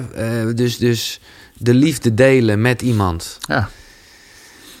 Dat is fijn, dat geeft kracht en energie. Maar daar zit, eh, ja, nou ja, ik vind angst is misschien een groot woord. Maar daar zit wel een, een ja, toch een soort bang om geraakt te zijn. Dat, ja, we moeten dan heel duidelijk maken wat we onder liefde verstaan. Oké. Heel veel dingen die wij liefde noemen zijn in feite niet helemaal liefde. Mm, Eh, Die, die komen eigenlijk ook van het ego af. Oké. Die de speciale liefde maakt. Hè? Jij bent mijn nummer één en als jij nou dit doet, dan doe ik dat. Dan hebben we samen een contract en dan wordt het leuk. Nee. En gezellig. En, en de, de cursus heeft het over speciale relaties. Hij zegt, we, we kijken naar binnen en we zien een gemis. En dan zoeken we iets of iemand buiten ons Ja, die dat ja, moet gaan ja, aanvullen. En als die ander nou ook een gemis heeft, wat ik toevallig kan aanvullen, joepie. Zoals veel relaties. Zoals veel eh, relaties, eh, ja. liefdesrelaties. Ja, ja, oké. en, daar zitten we vaak in dat spel. Hè? In dat spel van wat we dan liefde noemen, maar wat eigenlijk gewoon een soort ego-verhaal is. En verliefdheid, hè, dat is ook een soort ja, weg zijn bij ons diepere zelf vaak. Mhm. Terwijl echte liefde brengt ons juist bij onszelf. En een relatie zorgt ervoor dat we al die dingen die in de weg staan, omhoog komen. Een relatie is de beste manier om je onverwerkte shit omhoog te krijgen. Ja, En, en dan kun je ermee aan de slag. En dan kom je uiteindelijk bij wat de cursus een, een heilige relatie noemt. En die vertrekt vanuit een totaal ander uitgangspunt, namelijk je weet dat je compleet bent. En ik zie die ander evenzeer als compleet. ja, ja, ja. En dan krijg je dus een relatie van compleetheid ontmoet compleetheid. Of liefde ontmoet liefde. En dan wordt het iets heel anders. Ja, wat, Jan- wat Jan Geurts een spirituele liefde noemt. Bijvoorbeeld. Naam, ja. ja. Maar hoe eh, zit het bij jou als ik vragen mag? Want ik kan me toch niet aan de indruk onttrekken dat ik niet de enige ben die in een, nou ja, laat ik zeggen, wat ordinaire liefdesrelatie, eh, dat, daar, ja, dat, dat, dat daar toch angst een rol speelt. Ja, is dat dan niks waard? Is het dan niet oké? Eh, Je, natuurlijk mag je bang zijn. Je mag eh, bang zijn dat je verlaten wordt. Of Ja. eh, dat je gebonden wordt of zo. Dat heb ik ook gehad in bepaalde relaties. En uiteindelijk doorzie je dat. Ja. Ik heb nu een relatie met een Canadese vriendin. Die eigenlijk al gelijk op een ander niveau startte. En we hebben allebei dus onze relaties gehad. En dat betekent dus dat je op een gegeven moment... Ja, gewoon die, die speciale relatie is gewoon niet interessant meer. Nee, nee, Er zit gewoon niks interessants meer in. niks afhankelijks. Nee, niks afhankelijks. Je ontmoet gewoon van ziel tot ziel. En dat is fantastisch. En het is ook gelijkertijd een een stuk extra wat je in je leven krijgt. Eh, Ik had geen relatie nodig en zij ook niet. Nee, En we kwamen bij elkaar en het was er. ja, En dat is dus voor mij ook een, een nieuwe ervaring. hè. Ik heb alle soorten relaties gehad. Ik Mhm. ben ook 17 jaar getrouwd geweest met Carla. Is nog steeds een hartstikke goede vriendin van mij. We hebben drie fantastische kinderen meegekregen. En daar hebben we ook ons vergevingswerk gedaan. We zijn dus op een goede manier uit elkaar gegaan. ja. Zodat de kinderen ook niet hoefden te kiezen. Dat het gewoon dat het nog steeds klopt. Voor hun ook. We, doen dingen samen enzovoort. En dat vind ik eigenlijk ja, niet alleen fijn, maar ook voor de kinderen fantastisch. Dat ze dus niet in een soort loyaliteitsconflict terecht zijn gekomen. Nee, dat is eh, absoluut mooi, ja. Maar nu met je huidige relatie... zal je toch... Nou ja, op zijn minst is er dan... Ja, misschien is angst niet het woord... maar toch eh, hè, bang zijn dat iemand iets overkomt. Of... eh, Kijk, eh, omdat ze in Canada zitten, hè, dan zeggen heel veel mensen: een lange afstandsrelatie, hoe doe je dat dan? Ja, En ja. Mis je elkaar dan nou, niet? je zal een moeilijke tijd hebben deze tijd in ieder geval. Ja, maar we missen elkaar dus niet. Nee. Omdat dat dus gewoon niet in, het, in de opmaak van onze relatie zit, om zo te zeggen. Nee. We zijn niet vanuit de kant van gemis gekomen. Maar vanuit de kant van volheid. En dus al zitten we dan op uh, 9000 kilometer afstand.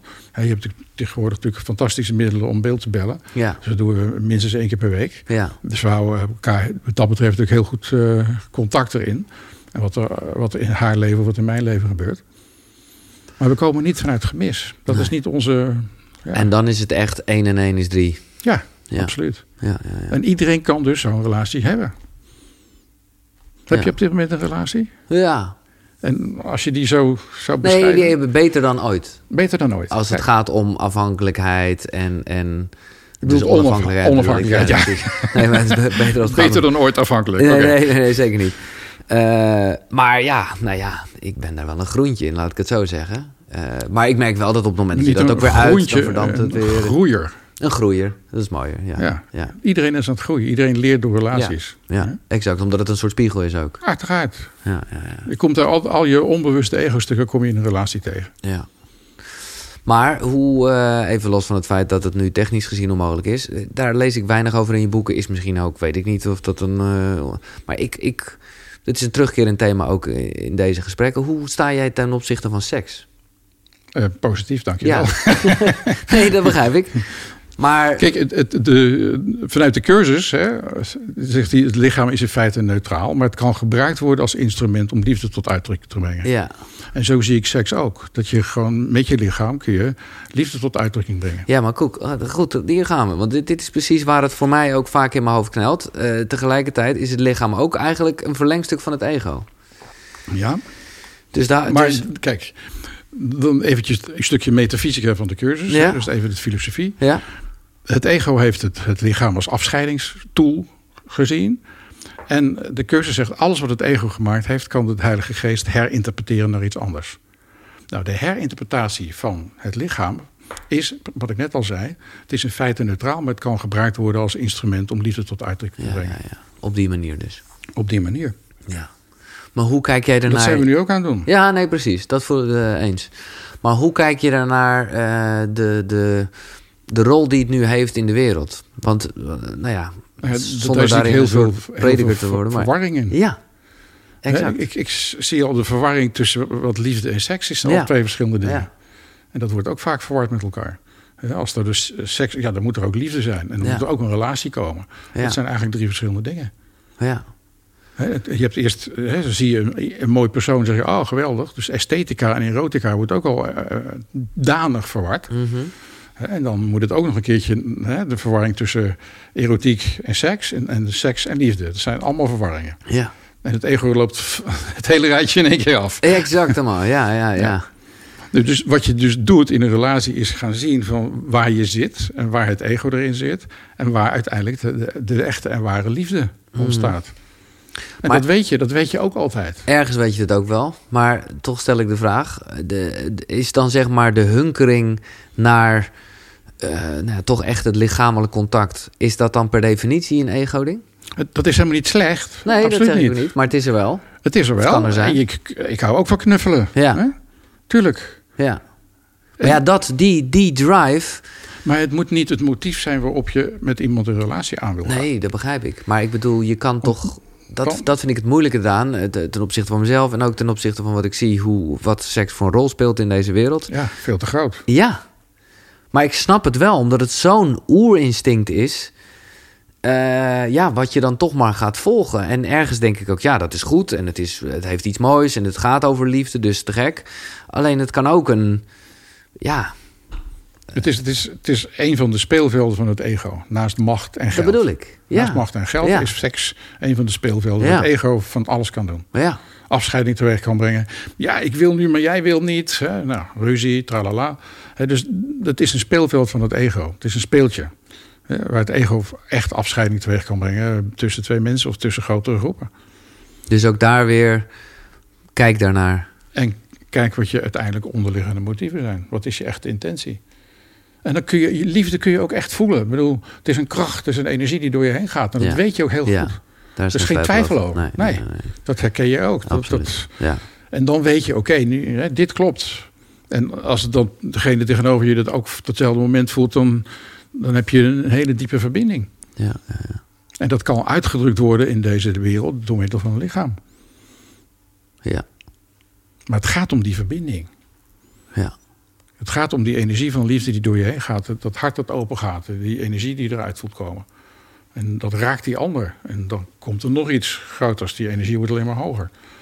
En toen ik uh, vorig jaar kwam met mijn vriendin, die kwam uh, uit Canada. Ze bleef zeven weken hier. En het moment dat we elkaar ontmoetten, ging, ging echt zo de, Energie, de lucht in bij wijze van ja, ja, ja, ja. En, en, dat is, dus, dat is een, een ongelooflijke ervaring. En dan weet Ja. je, hier gaat het over. Dit is waar het over gaat. Ja, ja mooi.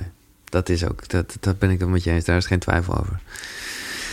Oké, eh, er zijn al wat boeken genoemd. eh, maar laten we even eh, de, toch eventjes naar de boeken gaan. Nou, de cursus hebben we het uitgebreid over De gehad. cursus in wonderen. Nou ja, ik wilde straks... Nou ja, hoe, hoe, moet ik gewoon... Of moet, is het het best om gewoon te beginnen bij de eerste les? Is Yes. het wel... Ja, oh, oh, ja, Oké, ja. En gewoon je niks aan te trekken van het feit dat het ego dit een hele rare les vindt. Niets in deze kamer betekent iets. Nee. Uh, dan denk je wel, hoezo?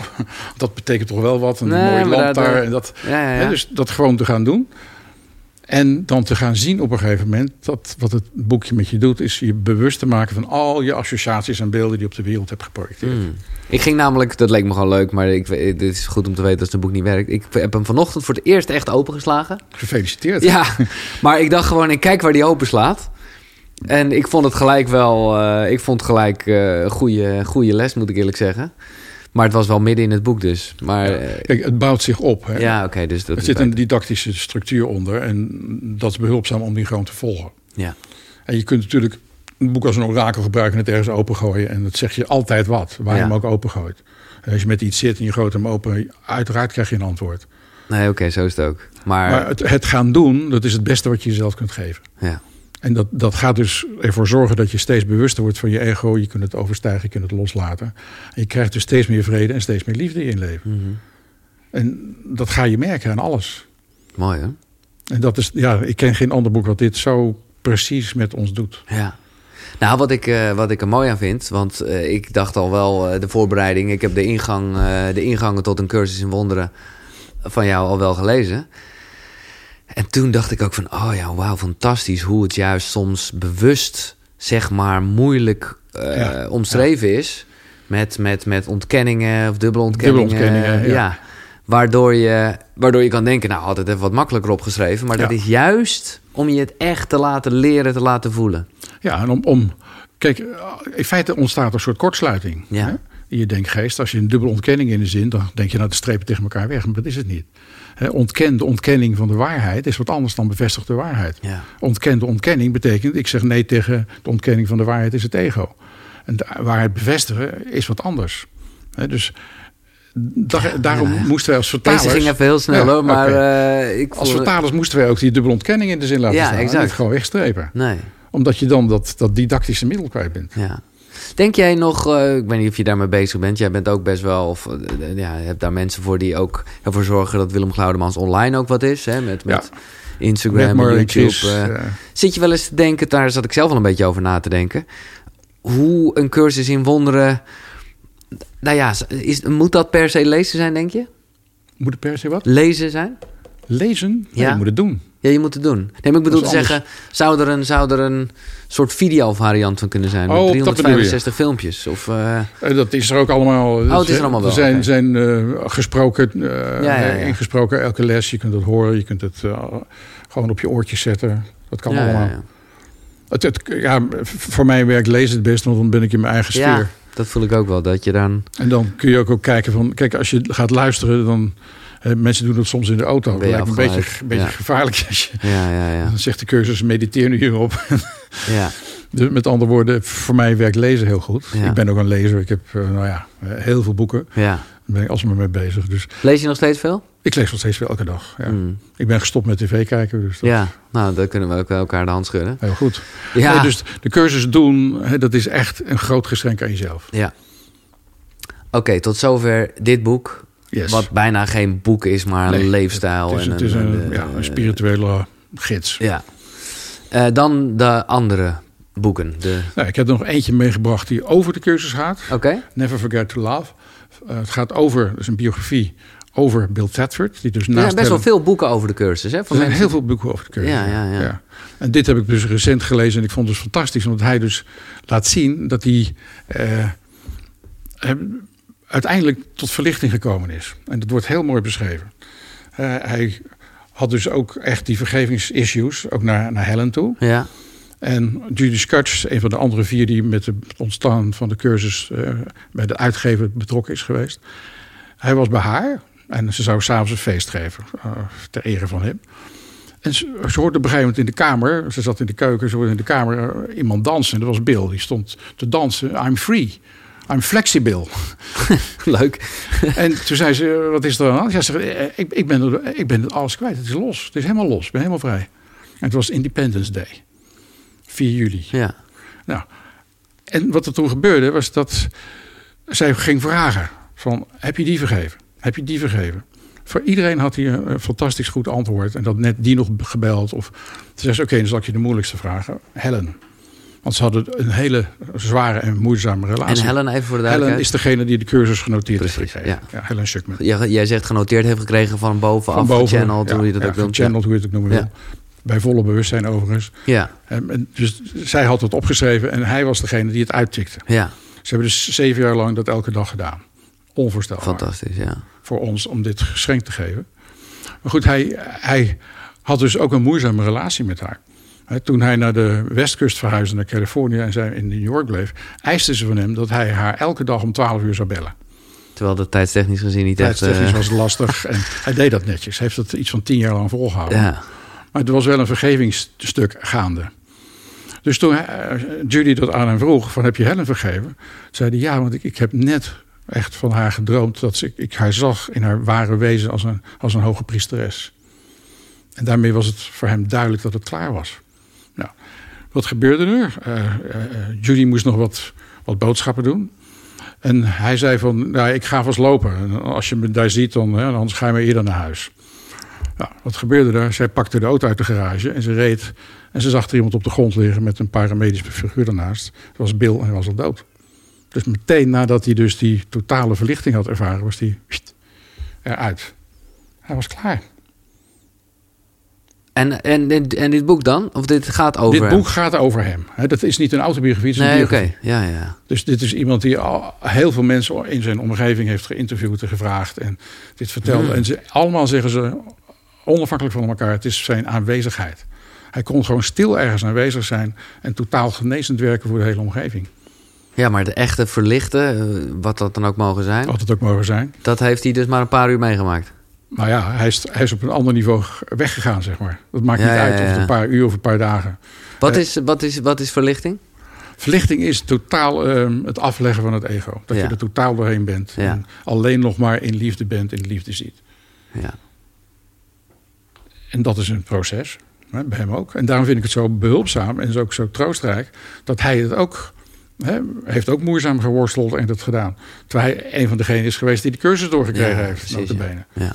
Dus daarom vind ik het ook zo mooi om dat mee te nemen. Om te laten zien van kijk, ook hij heeft al die worstelingen gehad met het Precies. ego. Heeft ook alles moeten doen. ja.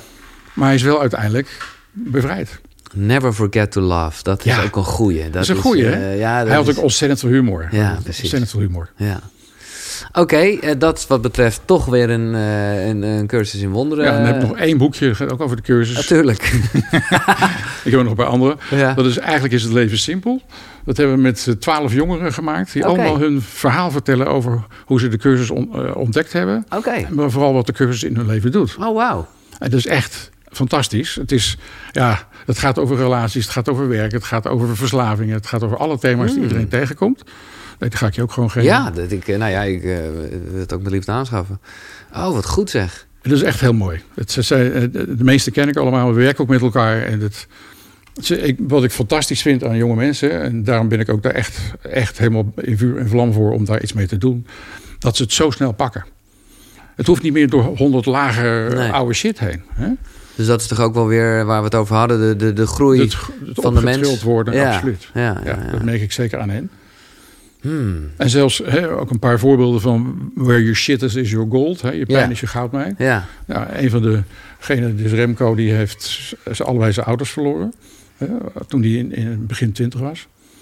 En hij is nu jongeren rouwcoach. Dus hij heeft wat hij ervaren heeft en verwerkt heeft, dat kan hij nu brengen. Ja. En kan die anderen weer mee helpen. Nou, daar zit het vol van. Oh. Dus daarom is dit zo'n mooi boekje. En dan Ja. dacht ik, dat vind ik wel leuk om te laten zien. Ja. Dat het gewoon ook weer over jonge mensen gaat. Eigenlijk is het leven simpel. Ja, dat is meestal wat we aan het eind van zo'n avond tegen elkaar zeggen. Weet je, het is eigenlijk wel simpel. Weet je wel. We hebben moeilijke dingen met het ego gehad en dan moeten we erom lachen. En dan zeggen eigenlijk is het gewoon heel simpel. Ja. Maar dan komt het, eh, en dat klinkt eh, helemaal misschien nu een beetje leeg, maar toch is dat het wel. Dat, dan kom je gewoon heel erg op een soort alles is liefde conclusie. Uiteindelijk wel. Ja. Ja. En als je met die blik kunt kijken, dan Ja, is het ook simpel. ja. Dan kijk je er doorheen. Heb jij, eh, heb jij zelf ervaringen met eh, bepaalde plantenmedicijnen en zo? Je bedoelt met drugs of zo? Nou ja, als je het drugs wil noemen. Ik weet dat een hoop mensen... Plantenmedicijn. Ik vind het een mooie eufemistische omschrijving. Nee, ja, oké. nee, maar inderdaad. De, maar de, goed, Ik heb in mijn studententijd wel eens wiet gerookt. Ja. Nee, maar je Maar zal dat- ongetwijfeld wel gehoord hebben van Ja, ayahuasca-achtige daar heb ik dingen. van gehoord. En dat, dat spreekt mij niet aan. Nee. Ik heb niet het gevoel dat ik daar iets mee moet. Nee. Nee. Gisteren had ik nog een vriend bij mij thuis, die zei het ook. En die had er ook ervaring mee. En Ja. ik voel niet dat er in Nee. mij een impuls komt om daar iets mee te gaan doen. Nee. Ik denk namelijk dat je... Dat zei Nanne trouwens, met Nanne hadden we het er ook even Ja. over. Het is even, kijk wat ayahuasca doet. Je geeft even hup, je zit even op dat niveau. En dan ga je Ja. naar beneden. En dan moet je alles nog weer gaan integreren. Tuurlijk. En wat de cursus voor mij doet, die brengt je naar dat niveau. Langzaam. En, het, en, het, en het is stabiel. Ja. Maar ergens, ik, ik, ik hoor wat je zegt en ik denk, ook, ik denk ook zeker niet dat het nodig is. Maar ik denk wel dat het fijn kan zijn om echt even te voelen Ja, om eh, even... dat die verbindingen er zijn. Ja, en dat ja. heel erg, hoe, hoe, leeg het misschien voor sommige mensen nu ook zal klinken, dat alles is liefdegevoel. Op het moment dat je het echt even voelt. Ja, het is niet dat je daarna. Eh, Nee, het, het kan zeer behulpzaam zijn. Ja, hè? dat bedoel In feite heb ik dat gehad met die ervaring bij Cubeloros. Dat ik ook uit mezelf getild werd en totale liefde ervoor. Ja, Hè, en dat heeft iets van drie maanden is dat zo bij me geweest. En toen moest ik weer mijn proefschrift afmaken. Toen toen. zakte het weer een beetje Ja, weg. ja, ja. Maar ik heb het dus ook geweten en gevoeld. Ik heb mijn eigen kracht gevoeld daarin. En dat is een hele kernachtige sleutelervaring voor mij. dat ik weet, dat is het dus. En daar hoef ik niet, nooit meer aan te twijfelen. Nee, nee, exact. En dan verandert je hele leven. Natuurlijk verandert je leven. En als het met ayahuasca voor iemand kan zijn... of met een bijna doodervaring voor iemand kan zijn... Hè, dat maakt Wat niet ook een uit. goede. eh, ja, doe dat thuis niet na, maar als het, als het gebeurt, dan kan het wel ergens goed Don't zijn. try this at home. Nee, precies. Eh, dan zie ik nog meer boeken liggen. Ja, dat zijn de drie boeken van, over Christina en van Christina. Ja, Dat vind ik een heel bijzonder iemand. ja. Christina van Draaien, of dat Ja. zo heet ze eigenlijk niet, Ze geloof heet ik. ze eigenlijk niet, ze heet Maier, maar dat is de pseudoniem. Ja, En Von Draaien is wel heel mooi. Dat is de, de- haar moeder, haar zusje, wat, haar tweelingzusje wat overleden is. eh, en zij, met z'n drieën. En wat zij doet is ook echt met, eh, met een de heel duidelijke missie hier komen... om ons te helpen om dat bewustzijn op te tillen. Daar, daar gaat haar hele werk over. Ja. Alles wat ze vertelt. en Ze heeft een enorm groot bewustzijn. Ze komt vanuit weet ik veel waar vandaan... maar ze heeft een enorm groot bewustzijn, multidimensionaal. Ze kan alles zien, ze kan ja, door muren heen kijken, Mhm. wat je maar wilt. mhm. Maar daar gaat het haar niet over. Ze kan ook op afstand iemand genezen en dat doet ze dan niet, want ze zegt van dat is niet mijn missie. Nee, nee, Dus die helderheid heeft ze ook nog een keer. ja, ja, ja. En ze komt hier echt om ons te helpen optillen. En ze zegt ook in deze tijd komen er heel veel zielen naar de aarde toe die incarneren vanuit een hoger niveau al. Die dus helpen om het hele Die bewustzijn eh, omhoog te tillen. En ze zegt iedereen kan dat tipping point zijn. Wat met die honderdste aap over. Iedereen kan dat zijn. Dus iedereen heeft de persoonlijke verantwoordelijkheid om aan de kant van de liefde te staan en zijn eigen shit op te ruimen en zich te ontwikkelen. En als je aan de kant van de liefde staat, dan kan dat dus ineens omslaan. Ja, En dan kan het ineens mondiaal zijn. ja. Nou, zij komt daar echt voor om het in deze tijd, een hele spannende overgangstijd, hè, waarin die chaosfase naar een nieuwe orde gaan, hè, om ons te helpen. Is, het nog, eh, is het nog raadzaam om een bepaalde volgorde aan te houden? Ik zou gewoon van 1, 2, 3 doen. Ja, dus tweelingen, het licht geboren, visioen van het goede en bewustzijn schept vrede. Dat is deel 3. Dat is meer wat ze zelf geschreven heeft. Deze twee zijn door haar moeder geschreven. Ja. En krijg je dus gelijk een heel stuk van haar biografie, maar ook van wat ze al weet. Ik ben zo benieuwd, Willem. Mag ik, mag ik kijken waar de blaadjes tussen zitten? Oh, ik- ik- overal zitten Ja, ik- aantekeningen. ik ben ook heel erg zo. kras, eh, Krassen ze gek. Oh ja, zielen en zielsplannen. Zielsenergie is leven. Elke ziel heeft gewoon verschillende ervaringen opgedaan... en moet wanneer ze voor een menselijk lichaam kiest... ook verschillende moeilijke taken overwinnen. Mooi. Ja, het zijn gewoon, ik ken dit heel erg hoor. Ik bedoel, nou, je ziet het bij eh, de Ja. boeken die ik van jou heb. Die zitten, staan ook helemaal vol. En dit gaat dan, oh, dit gaat nog even een stukje over vergeven, toch? Ja, ja. Ja, daar heeft het ook heel, heel sterk over. ja. Dus ik, ik voel me ook zeer verwant met haar missie. Dat, dat, ik zie gewoon dat heel veel van de dingen waar ik mijn leven mee bezig ben geweest. zij doet hetzelfde en zegt: jongens, en nu is de tijd. Ja. Hè? Dus zij zet het nog even veel scherper neer. Vanuit dat enorme grote bewustzijn wat zij heeft. Om ons te helpen van jongens, ontwaak alsjeblieft. ja. Ontwaak tot wie je werkelijk bent. Nou ja, ik lees hier een stukje waar jij een, eh, een briefje tussen hebt. De nieuwe kosmische energie die zich op dit moment op aarde manifesteert, geeft ieder mens de kans om zijn frequentie te verhogen en zijn bewustzijn te verruimen. Zie hoe je de lichtvolle weg kunt inslaan en merk dat je het destructieve niet meer in je kan resoneren. Ja. Mooi man. Dus het destructieve niet meer kan resoneren. In feite, als je een hogere trilling hebt, zeg maar de trilling van liefde, Ja, dan kan het ego met al zijn grappen Lage niet meer, trillingen. In, niet meer in je bestaan. nee. En dat is de weg van iedereen, om, om inderdaad te zorgen dat je aan de kant van de liefde en je trillingsniveau optilt. En daar gaat al haar werk over. Hè? Dus doe mooie dingen. Doe dingen die jou voeden. Doe, eh, schoonheid is ook een manier om je eh, eh, trillingsgetal te verhogen. En dan bedoel je de schoonheid. Overal, in kunst, in, Ja. in de natuur, Ja. noem maar op. ja, wees gewoon met mooie dingen bezig. Gewoon met mooie dingen bezig zijn. Ja. Dat doe je ook de hele dag hier, toch? Ja, ja, ja, nee, dat is mooi. Nou ja, en dat gaat een beetje door over wat eh, Christine Bijnen van Cosmic Life hierover zei. En wat ik ook lees in jouw eh, boek van de Universele Wetten. Dat ook als het gaat over de intenties. Mhm. Hè, dat is, op, hè, vanuitgaan dat het goede intenties zijn. Dat, dat, Dat, trilt hoger. Ja. En dat brengt je omhoog. ja, En zeker als je die intenties gaat vormgeven en gaat leven. Hè, daar is zij ook van. Ze zegt heel duidelijk van jongens, en mensen zeggen "Oh, fijn dat jij daar bent, dan hoef ik het niet meer te doen. Hè? En ze zegt nee, feit dat ik er ben, maar jullie moeten het zelf doen. Hè, zij komt alleen om ons te, te helpen ontwaken. Ja, ja, ja, ja, ja. Maar we moeten het wel zelf doen. Als we toch een beetje met de moeilijke. Want ik probeer altijd frequenties en zo zoveel mogelijk te vermijden. Omdat het zo. Ik, ik begrijp het heel erg. Zeker als mannetje van de radio. Ik weet gewoon hoe het werkt. Trilling, hè? Ja, precies. En Alle geluid is trilling. Ja, maar dus- zo is het. Alleen het, ik weet ook dat het eh, zo abstract kan zijn voor mensen. Maar ergens, eh, en ik vond het fascinerend, het is allemaal weer een term, maar ergens heb jij het over dat wij leven in een holografisch universum. Ja. Kan je dat een beetje uitleggen? In feite, een hologram wil zeggen dat elk onderdeel het geheel bevat. Dat is gewoon letterlijk wat ze aan een hologram ontdekten. Een hologram is een driedimensionaal beeld. Ja, En als je daar eh, laserstralen op laat schijnen, dan komt het weer naar voorschijn. Maar als ze dat kapot knipten en ze namen een heel klein stukje ervan, dan hadden ze ook het totale beeld. ja, Nou, dat vind ik dus uitermate fascinerend Ja. dat het zo in elkaar zit. ja. Dat wij dus ook zo in elkaar zitten. Ja. Dat wij allemaal Qua een klein stukje. en, ja, en wat er eh, weer in zit. En, Onze geest is ook een klein stukje wat totaal is. ja, En Je kunt zeggen, wij, wij belichamen het totale goddelijke tegelijkertijd. ja, Hè, omdat we in een holografisch hologram zijn van, ja, van het grote geheel. ja. Ja, van het grote geheel. eh, Het de universum, het kosmos. ja, God, nee, maar dat het oneindige, naam. Het is toch? oneindige. Ja, ja, ja. De grote schepping met een, Nou. met een hoofdletter S. Nou ja, en daarbij, dat vind ik dan ook wel verhelderend, dat je dus, hè, jij hebt het op een gegeven moment over een stam die alleen maar 2D zou kunnen zien, die je dus ook niet kan uitleggen wat 3D is. Nee, nee. En zo zijn wij, hebben wij natuurlijk ook onze beperkingen, waardoor dit altijd een beetje een stap te ver gaat. Omdat ja, ja hoe, kan je, hoe kan je vatten wat je zelf niet eh, kan bevatten? Ja. Ja, dat klopt. Maar juist in deze tijd gaat ons bewustzijn steeds verder open. En kunnen we het steeds beter gaan bevatten. ja, dus die, die, die 3D-wereld waar we in zitten, die naar 4 en naar 5 dimensie gaat, dat kunnen we op een gegeven moment steeds beter gaan bevatten. En iedereen op zijn eigen tijd. Hè, begrijp me goed. ja. Het is niet een soort verplichting dat iedereen nu. Nee, maar, Maar het is ook geen het is- wedstrijd. Het is, het is ook geen eh, wedstrijd, eh, natuurlijk niet. Nee, nee. Hè, en nogmaals, Christina die komt van een heel hoog bewustzijn, die, die helpt ons enorm. Ja, dat, dat honderdste aap-idee, daar, exact. daar is zij een Is, groot voorbeeld van. Is de vijfde dimensie, is dat eigenlijk, eh, of zijn er nog meer? Hoe, Er zijn eh, vast en zeker nog meer, maar daar heb ik geen inzicht over. Nee, Ik vind vijf op dit moment voor mij al fantastisch om te zien. Daar is totale liefde en totaal licht en totale waarheid. ja, In mijn boek van de, van de, over het eeuwig leven heb ik wel de volgende hemelsferen beschreven... waar in feite iets vergelijkbaars gebeurt. oké.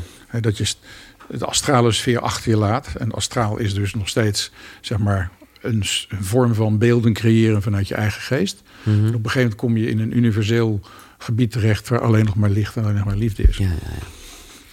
Oké, ik wil weer even, ja, even terug, terug naar, naar de aarde. Heel goed. Ehm, hoe ziet jouw dag eruit? Dat is een, eh, een, een ritueel aan zich binnen deze podcast. Namelijk, heb je een ochtendritueel? Mijn ochtendritueel is inderdaad de cursus doen. Dus je staat op. Ja. Het eerste wat je eh, doet is het boek erbij het pakken? eerste, ja. Ja, ja, oké. ja. En even die les of een stukje teruglezen. En, ja, soms doe ik hem s'avonds als het een lange les is, zodat ik hem 's ochtends kan doen. Ja. Dan heb ik meestal, deze tijd heb ik het gewoon nog steeds vrij druk. Ik krijg twee klanten per dag. En wat zijn klanten? Eh, mensen die ik begeleid. Ja, de cursus of met vergeving of met het talentenspel wat ik Ja. ontwikkeld heb. Ja. Eh, dus die twee per dag. En dat is elke keer een sessie van ongeveer drie uur.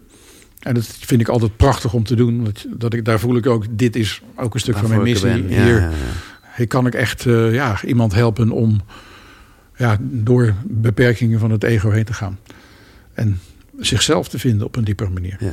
Dus daar bestaat ja, meestal mijn dag uit om Ja. twee van die sessies te doen. En als ik eh, vrij heb, eh, dan ben ik aan het schilderen. Een Ja. schilderij aan het maken. Hele mooie schilderijen zag ik. Eh, gewoon met, met... Ja, allemaal van die... hoe noem je dat? Hoe heet dat ook alweer? Kosmische Ja, supranevels en ja, al die dingen. Ja. waanzinnig. Ja. Waanzinnig. Ik zou bijna zeggen van dat is precies eh, wat ik eh, eh, zag. Ik heb één keer ayahuasca gebruikt. Precies dat soort geometrische... Ja, dat zijn nannen ook. Die zijn van die wetten, die heb ik gezien toen ik ayahuasca gebruikte. Ja, ja, Je zag ja. die structuren. ja. Goed, ik, ik zie ze dus blijkbaar ook. Jij ziet ze precies. Ja, ja. Ik ben nu met een, een zielenserie bezig. Er zijn vijf grote schilderijen van één bij één. En het, dat begon op een gegeven moment dat ik van binnen kon voelen of zien of zo hoe een ziel eruit zag. En, eh, in, in- als, als energetische ja, figuur, zeg maar. Ja, ja, ja. En dat kon ik gaan schilderen. En toen kwam daarbij, hè, hoe ziet de ziel eruit in incarnatie? Dus als die verbonden is met een lichaam. Hoe ziet die eruit uit incarnatie? Dus zonder dat lichaam nog erbij, in, die andere sfeer. En hoe ziet de ziel eruit, eh, omdat je weet dat je verschillende levens hebt gehad? Hoe ziet dat er dan uit? Dat is als het ware de informatie die de ziel weer verzamelt om opnieuw te incarneren eventueel. En hoe ziet een zielenfamilie eruit? Met wie heb je allemaal verbindingen? En nu heb ik er eentje, die is de laatste, die is nog bijna af. Ik heb gisteren nog aan geschilderd. Dat is een helemaal geel schilderij met alle kleuren geel. Waar het in feite gaat over hoe de ziel uiteindelijk terugkeert naar het goddelijke. ja. En één woord met al die andere. En jij, jij, jij, jij krijgt dit door. Jij, hoe... Ik, ik heb een beeld, maar het, is, het vervelende van die beelden is dat ik ze nooit kan schilderen. Nee, oké. Zijn- Want die zijn veel... Veel- Ja, ze zijn driedimensionaal. ja, dus- exact. Ja, ja. en ik moet het op een plat doek zitten. En dus het wordt meer symbolisch, zeg maar. ja. dan wat ik zeg maar, kan, ja, kan waarnemen op die manier. Ik kan waarnemen. Het is gewoon, het is niet eens een, een waarneming of zo. Het is gewoon een, een beeld wat ik krijg of zo. Ja. Ik weet niet precies hoe ik het zeggen moet. En dan, dan ga ik dat gewoon schilderen. En, en, en, en die foto, zoals ik het maar even noem, die in je hoofd zit... die krijg je de hele tijd, is die daar? nee, Of- die, die is er in het begin en dan weet ik het. Oké. En dan weet ik ook, nou, dat ga ik nooit bereiken. Ja, ja, en dan maak je een vertaling. Dan maak ik een vertaling en daar ga ik dan mee aan de slag. Hmm. Omdat het, en dat, dat vind ik wel heel leuk, wat Leonardo da Vinci zei ook, wat ik in mijn geestesoog kan zien, kan ik nooit schilderen. Nee. En moet je kijken op fabelachtige Ja, techniek ja. die had Dus en dat de beperking van, ja, ja. Maar in jouw ochtendritueel hoor ik... eh, nou ja, ik, had jou, ik, ik, ik weet niet wat ik had ingeschat... maar ik hoor niks van eh, koud douchen. Ik hoor geen beweging. Ik hoor geen meditatie. Eh, meditatie dus wel met de cursus. Ja. Beweging, ik, Nou, maar leg dat eens even uit. Want, want, want nou, dan, dan zit ik gewoon een tijdje stil. Oké, dus je leest iets en ik gaat er even op en ik, ik doe mijn Ja, ogen dicht en ik ben er een tijdje bij. Ja, oké. En dan heb je ook allerlei andere afleidende gedachten. Nou, die ga je doorheen. Ja, Dus dat, dat probeer ik echt elke ochtend te doen. Hm. En dat, dat lukt de laatste tijd heel goed, omdat ik wel stevig weer met de cursus verbonden ben. En echt voor mezelf het beslissing heb genomen: dit is het enige wat ik nog wil. Dit is het enige pad wat ik wil volgen. En ik wil het tot het eind volgen. Ook mede geïnspireerd door, door Bill. ja. Dat laatste boek dat je, Ja, of het eerste ja, boek dat je noemde. Ja. Ik ben toch ook weer gefascineerd door de briefjes in eh, jouw cursus. Zijn het... eh, ja, als je wil kijken. ja, ik ben gewoon nieuwsgierig. Ja, ik weet zelfs niet meer waarom ik er een briefje tussen Nee, zitten. maar dat zijn dan... Ja, of het is voor... het touwtje voor- zit waarschijnlijk bij de, de les waar ik nu mee bezig ben. Oh, oké. Maar ik ga dan even naar de briefjes. Dat is, eh, ik denk bij les 93. Er woont licht en vreugde Oh, en ja. vrede in mij. Ja, dat is een heel beroemde les die dan begint met... eh, hè, als je naar binnen kijkt, dan zie je eigenlijk eerst het tegenovergestelde. Ja. Misschien moet je de eerste linie even voorlezen. Jij denkt dat je de woning bent van slechtheid, duisternis en zonde. Jij denkt dat als iemand de waarheid over jou kon zien, hij zou worden afgestoten en voor je terug zou deinsden als voor een giftige slang. Jij denkt dat als jou de, eh, de waarheid over jou wordt geopenbaard, je met zo'n intense afschuw zou worden vervuld, dat je hals over kop de hand aan jezelf zou slaan, omdat je het onmogelijk zou zijn nog verder te leven na dit te hebben gezien. Dit zijn wel echt overtuigingen van mensen inderdaad. Ja, ja. En daarom begint de cursus daarmee. En, en, en juist over een, een, les waar het gaat dat liefde, vrede en, licht in mij wonen. Ja. Dan laat hij eerst het andere zien. En dan zegt hij, maar dat is niet waar. Dat is hoe het ego ons zeg maar, om de tuin leidt om dit te gaan geloven. Waarom zou je niet overlopen van vreugde als jou wordt verzekerd dat al het kwaad dat jij denkt te hebben gedaan nooit is gedaan? Dat al je zonden niet zijn, dat je zo zuiver en heilig bent als jij werd geschapen en dat er licht en vreugde en vrede in jou woont. Ja, dat is jouw waarheid. Dat is wie je ten diepste bent. En dat andere zit er steeds voor. En dat is in feite de weg van de cursus, om dat andere wat ervoor zit steeds te zien. Lekker, en dan... jongen. Dit is toch top? Ja, nou, ik hoor dus dat je het boek gaat doen nu. Ja, nee, absoluut. Nee, maar dat twijfel ik ook niet aan. Maar dit, is, dit geeft spirit, jongen. Oké, volgende briefje. Ik ben echt benieuwd. Wat zijn de niveaus van onderwijs? Ah ja, dat gaat eigenlijk over relaties. Oh. Hij laat zien dat, hè, dat weer vanuit die heilige en speciale relaties. Hij laat zien dat er dus hele kortstondige ontmoetingen kunnen zijn. die ook wel een heilig moment kunnen zijn met iemand. Dat je iemand bij spreken bij de, eh, op straat ergens tegenkomt. Je hebt even een, een, blikwisseling en je glimlacht en dan heb je het al. Dan gaat hij dus verder, zegt er zijn ook echt uh, langdurige relaties die een heel leven meegaan. En dan heeft hij het over, iedereen heeft een uitgezochte leerpartner. In mijn geval was het mijn vader bijvoorbeeld. Waar je dus het meest vergeving van gaat leren. Ja. En dan zegt hij van, er zijn er noodzakelijkerwijs maar weinig van. Want je kunt niet honderd van die... Dus je hebt er een aantal van je leven, die gaan het hele leven mee. En, en dan zegt hij ook van, mocht je die les willen leren... dan kan dat dus met deze persoon om die vergevingsles te leren. Of een andere les. Of een andere les. Maar dat zijn de spiegels. Uh, uiteindelijk gaat het uiteindelijk bij de cursus in de diepte altijd over. Ja, vergeving, vergeving, is wel echt. Uh, ja. En dan is denk ik vergeving, ja, dat is het dus eigenlijk. Dan gaat het dus meer over vergeving naar jezelf. Uiteindelijk gaat alle vergeving over zelfvergeving. Ja. Want het zijn jouw oordelen die op de ander projecteert, die je weer terug mag halen. Ja, ja, ja, ja. Het zijn jouw ideeën van slachtofferschap, van gewond zijn enzovoort. Die je gaat zien en niet meer op de ander projecteert, maar terughaalt. Want dan kun je er wat mee. Ja. Heb je nog een avondritueel of routine of iets? Uh, lezen. Ja. ja. Gewoon op de bank en lezen. Ja. En schrijf jij veel? Uh, meestal schrijf ik, maar ik heb net ben met een boek bezig. Ja. Dat ligt even stil nu. Oh. Universele spiritualiteit. Ja. Maar ja. hoezo ligt het stil? Ik, ik, ik... Het, het, het, het, het wil naar een ander niveau toe. Oké, dus dat laat je even een dat beetje... laat ik gewoon even liggen. Ja, okay. ja, dat, dat, ik, heb het, ik heb het al geschreven, maar het is niet wat het moet zijn. Oké. Dat voel ik ook heel sterk. En ik, ik, werk met Koos Jansson samen, een hele goede vriend, ook cursusleraar. Die met dat boek voor mij hebben een soort commitment naar elkaar. Van dit is een soort zielenverbinding die mm. we hebben om hiermee bezig te zijn. En we zagen dus van, ja, het is het, het nog is niet. nog niet af. Nee, oké. Dus het mag op een hoger niveau komen. En nou ja, dus ik wacht gewoon. Ik heb wel weer ideeën, maar op dit moment... Meestal schrijf ik gewoon... Dan, dan zet ik alle agenda dingen stop. En, En dan, dan, eh, ga ik gewoon een maand ertussenuit. En dan, eh, Want ik moet zeggen, ik, ik, ik, ik wist dat je hiermee bezig was. En ik was heel erg eh, ja, benieuwd. Ook omdat je in de, de, de, het boek van de Universele Wetten... eigenlijk daar al een beetje mee eindigt. ja. Dat we toe moeten naar een universele spiritualiteit. Waarbij, dat vind ik, dit vind ik even mooi... spiritualiteit is niet hetzelfde als religie... zoals wetenschap niet hetzelfde is als technologie. Sharp. Dat is gelijk helder. Uh, maar jij voelt heel erg, en ik denk dat, dat we dat allemaal wel voelden... dat het tijd is voor, nou ja, universele spiritualiteit. Ja, ja. ja, dat we op een andere manier gaan leven. Ja, waarbij gewoon ongeacht plaats en plek en achtergrond en verhalen... Nee, nee, precies. Dat doet allemaal helemaal niet toe. Nee. Nee. En universele spiritualiteit is voor mij ook weer heel praktisch. Het is niet iets zweverigs wat je zegt van oké, okay, we gaan nu allemaal dit of dat geloven. Nee, het gaat echt over toepassen in je dagelijks bestaan. Maar het is universeel. Het zijn universele principes waar iedereen, ongeacht welke religie of welke cultuur, ja. daar kun je mee vanuit gaan leven. En heel veel religie is het ego binnengeslopen. Zijn allerlei aspecten en dingen die heel lastig zijn, die we echt toe kunnen schrijven aan het ego wat daartussen is gaan zitten. Absoluut. Ja. Ik zeg wel eens: de enige religie van het ego is ons afhouden van God. Dat is de religie van het ego. Ja, ja, dus in allerlei religies is er er binnen gesnopen.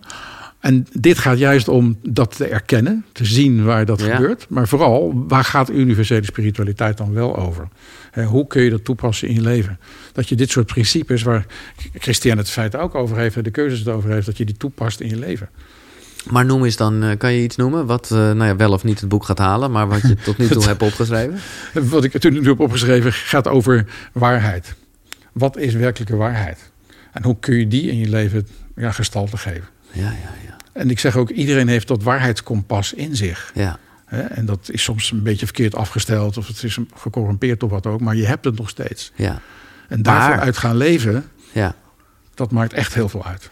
Maar dat kan wel bij eh, hè, hetzelfde ding, kan bij verschillende mensen toch wel een andere waarheid oprecht zijn. Dat, hè? dat, dat zijn Ja, dan... maar in de diepte niet. Nee, oké. In de diepte, net als we net hadden over Mhm. liefde, we weten in de diepte waar het over gaat. En je kunt het anders noemen, je kunt er andere aspecten van zien, maar in feite weet je waar het over gaat. En dat is met waarheid hetzelfde. En natuurlijk gaat het ook over medemenselijkheid. Het gaat over behulpzaamheid. Het gaat over vriendelijkheid. Gewoon hele normale dingen. Ja. Hè? Die we gewoon ja, weer vergeten zijn. Ja. Dat het ego ertussen zit of in angst zitten. Maar nu nog steeds in deze tijd met alles wat er gaande is. Je kunt kiezen of je meegaat met alle complotten en alle andere dingen. Of dat je zegt van nee, ik blijf gewoon consequent 100% aan de kant van de liefde staan. En dat straal ik uit. En dat is waar ik mij wil ophouden en niet aan de andere Nee, kant. nee, dat is helder. Oké, dus dat staat even in de ijskast. Nou ja, dat, nou ja, of, ik weet eh, dat het ergens zo rond juli of zo. Had het weer Oh, wel. Dan, ja, het komt wel eh, als het goed is, maar ik weet met dit boek helemaal niet hoe het gaat. Het Nee. is totaal anders dan al die andere. Ja, Die andere wist ik meteen van, nou ja, die, die zijn eh, zo klaar. En, dat, nee, oké. en deze weet ik dat niet. Die, die blijft gewoon zich op een andere manier aan mij eh, manifesteren. Nou, ik vind het een prettig vooruitzicht dat het in ieder geval wel dit jaar is. Dan weet ik zeker dat we dit jaar nog een keer kunnen afspreken. Als dat boek daar is, dan heb ik inmiddels ook eh, je andere eh, van de Biblos-serie geleven- eh, gelezen. Ehm, Oké, universele spiritualiteit is dat. Dat komt eraan dus. Ja, ik weet in jouw geval het antwoord, omdat je het er vaak over hebt. Nou, laat ik eerst, voordat we naar de dood gaan, eh, eventjes de, de waarom-vraag stellen. Ik ben heel benieuwd hoe jij... wa- waarom zijn we hier op aarde? Om liefde te leren, Ja. om liefde te ontwikkelen, om Ja. liefde te brengen. En in feite ons bewustzijn te helpen groeien naar een ander niveau. Punt. Ja, nee, dat is wat het is. En hoe kijk je aan tegen de dood? Ik eh, moet zeggen dat ik door het boek van de eeuwig eh, leven heb ik me ook bezig gehouden van hoe gaat het verder. Ik heb nooit geloofd dat het met de dood zou stoppen. Nee. Ik heb altijd geloofd dat het bewustzijn doorgaat. En dat heb ik vanaf kind al heb ik dat soort gevoel gehad. En ja, dat is nog steeds in mij. En ik heb- ik ben nooit bang geweest voor de dood. En ik zie het eigenlijk als iets van eh, dat je eigenlijk geascendeerd wordt naar een volgend niveau. En, en dat je dan terugkijkt op je leven. Dat noemen we dan een levensschouw. Dat je alles ziet wat je in je leven gedaan hebt. Ja. Je ziet dus de dingen die niet minder goed gegaan zijn, maar dat is een leerproces. Ik noem dat je leeroogst. En je hebt je lichtoogst, datgene wat je al met liefde hier gebracht hebt. En dat ga je ook weer zien en dat kun je terug ontvangen. En zowel de Bijbel als de cursus he- hebben het dan over dat je duizendmaal, duizendmaal dat licht wordt vermenigvuldigd. En dat geeft jou een trilling die jou precies naar de plek brengt aan gene zijde waar je met zielsgenoten die dezelfde niveau trillen uiteindelijk bij elkaar komt. Ja, ja, ja. ja. Dus ik zie dus dat het gewoon doorgaat. En ja. Ah, Oké, maar de trillingen komen bij De elkaar. trilling natuurlijk. De- Ja, ja, al die ja. niveaus hebben een andere trilling. Ja, ja, oké. Dus we hebben hier een bepaalde trilling. En, we hebben het, en daarom kunnen we vaak eh, zeg maar, de overleden persoon niet meer zien, omdat die een ander trillingsgetal hebben. Het grappige is dat een kat of zo, die eh, iets hoger trilt dan wij, vaak wel dat kan zien. Vandaar dat hij af en toe eh, strikt en denkt, ja, ja, ja. Ja. oh, Oké, zo sta je. Oké, gaaf. En dat vond ik een mooie... Ik dacht, je gaat zeker het woord voertuig gebruiken. En want dat vond ik zelf een hele fijne eh, vergelijking, of ja, gedachte. Dat, eh, dat als wij doodgaan, dat we het voertuig achterlaten. Namelijk, nou ja, Dit jasje. ja, hè? precies. Eh, maar het bewustzijn, Ja, ja. Vanuit het idee dat als je een jas uittrekt, ben je er nog steeds. ja, Terwijl mensen die alleen maar, naar de materie kunnen kijken, die zeggen: ja, als je het jasje uitdoet, dan ben je er niet meer. Ik zeg nee, als je die jas uittrekt, dan ben je er nog steeds. Dat Ja. bewustzijn gaat gewoon door. Ja. Dat groeit verder, ja. uiteraard. Nou, uiteraard zelfs. Ja, anders zou het toch een hele rare toestand zijn. Ja, maar ja, misschien is het wel een hele rare toestand. Nou, ik, Ook geloof, prima. Ik, ik geloof niet in een, in een sadistisch universum waar Willem Frederik Hermans wel in geloofde. Ja, ja, Daar ja. geloof ik niet in. Ik geloof in een liefdevol universum. Dus dat Ja. die dingen kloppen. Ja, ja, ja. En eh, toch eventjes, hè, wat je net zegt, er wordt wel even de balans opgemaakt met het huidige voertuig, zou je kunnen zeggen. Ja. Eh, hoe, eh, hoe, ja, hoe wil je herinnerd worden? Dat weet ik niet. Daar ga ik niet over. Nee, begrijp ik. Maar je hebt toch wel een intentie hoe je... Ik heb alleen een intentie waaruit ik leef. Ja. Maar niet hoe, hoe ik herinnerd wil worden. Daar ben ik gewoon niet mee bezig. Nee. Oké, maar dan toch... Oké, hoe is de intentie hoe je leeft? Met zoveel mogelijk liefde en zoveel Ja. mogelijk licht brengen hier. Ja. En als dat een beetje effect heeft, nou fijn. Dan zal ik dat dus ook waarschijnlijk zien. Ja. Maar daar, daar ben ik niet eh, mee bezig of zo. Omdat, Nee. Want dan gaat het ego zich weer Nee, bemoeien. nee, we Dat- komen die begreep je al. Die begreep je Nee, al. ik begreep hem al helemaal. Maar het is wel... Nou ja, laat ik er nog één keer op dit onderwerp terugkomen. Eh, want eh, op een gegeven moment heb je het ook over grootheidsschroom. Ja, ja. En dat vind ik een mooie. Maar dat werkt twee kanten op. Je moet jezelf ook weer niet te klein maken. Het is die dunne Ja, balans. Het is een dunne balans, ja. Dus het- met onze grootheid kan het ego maar twee dingen doen. Die kan er kleinheid van maken of grootheidswaan. Ja. Het enorm groot maken Ja. of enorm klein maken. En daar precies tussenin ligt je grootheid. En dat is je missie die je leeft. Ja.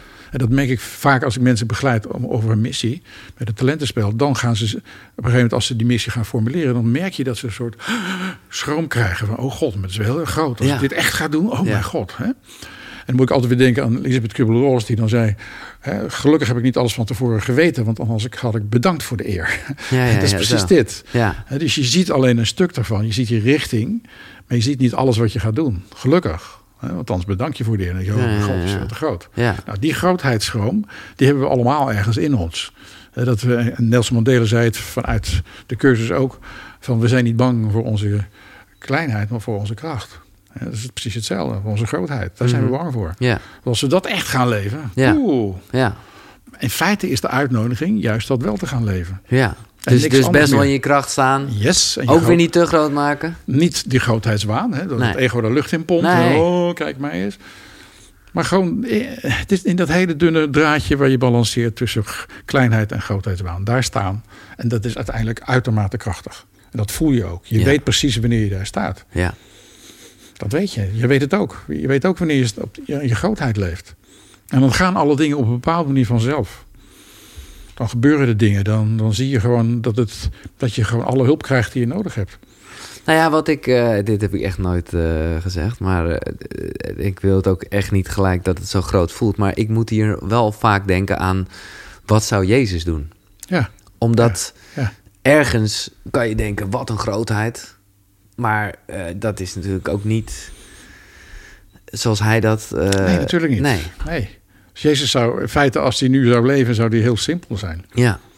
Een eenvoudige man die liefde verspreidt. Nee, maar daarom... Kijk, maar goed, dan zijn we dus precies waarom ik die vraag aan jou stelde. En ik snap dat jij het gewoon een beetje downplayt en zegt... ja, ik doe gewoon wat mijn missie is. Maar eh, dat dus, dus eigenlijk... ben jij gewoon ook een Jezus van deze tijd. Zo zou ik mezelf dus nooit noemen. Absoluut niet. Precies, dat begrijp ik. Nee. Ik ben wel geïnspireerd. hè, Ja. Want de cursus is door Jezus doorgegeven. Dus ik, ik sta in, feite in, in zijn gedachtegoed. Ja, En dat probeer ik hier te brengen en te leven. ja, Dus in die zin, ja, ik, hij is een oudere broeder voor mij die voorop loopt op het pad. Zo, zo beschrijft Jezus zichzelf in de cursus ook als een oudere broeder. En dat vind ik een hele mooie. Ik bedoel, hij maakt zichzelf ook niet speciaal. nee, zegt, we zijn allemaal hetzelfde, maar ik loop toevallig een paar stappen voor je uit en daarom kan ik je leiden. ja. Nou, dat vind ik een hele mooie om, om naar Jezus te kijken. Ik had een soort angst, maar ik ga er echt aan beginnen, Willem. Je bedoel, ik was wel overtuigd. Maar een cursus in wonderen is het niet eh, te... Want ik ben, ben gelovig opgevoed, maar ik heb er ook een soort afkeer van gekregen. Ja. Op basis van, nou ja, zoals jij dat eh, mooi schetste net. Ego-dingen die dat een beetje hebben overgenomen. En bepaalde regels en dingen dat je Ja, denkt, ja, maar zo is het niet bedoeld. Precies. Is dat, dat ga ik allemaal niet tegenkomen in dat boek? Je gaat je, eh, oude overtuigingen ga je uiteraard tegenkomen. Ja, oké. Opdat ze genezen kunnen worden. Ja. Daarom gebruikt hij juist ook de christelijke terminologie. Ja, ja, ja. Om, om die oude dingen tegen te komen in jezelf. In je Dus daar zal ik misschien even een beetje... Ja, Ja, misschien een beetje cringe. Oké, ja. Maar weet dan dat het bedoeld is om het naar boven te brengen in je bewustzijn, zodat het geheeld kan worden. Zoals de, zoals de cursus zegt, de correctie moet daar plaatsvinden waar de vergissing is begaan. Ja, ja, ja. Dus ergens hebben we vergissingen geleerd. Ook in het christendom hebben we allerlei vergissingen geleerd. En die moeten daar gecorrigeerd worden waar ze zijn ontstaan. Oh shit, hadden een onwijs mooi einde. Maar ik vergeet helemaal dat we vragen hebben. Ga maar door. Ja. Trouw- even voor mij.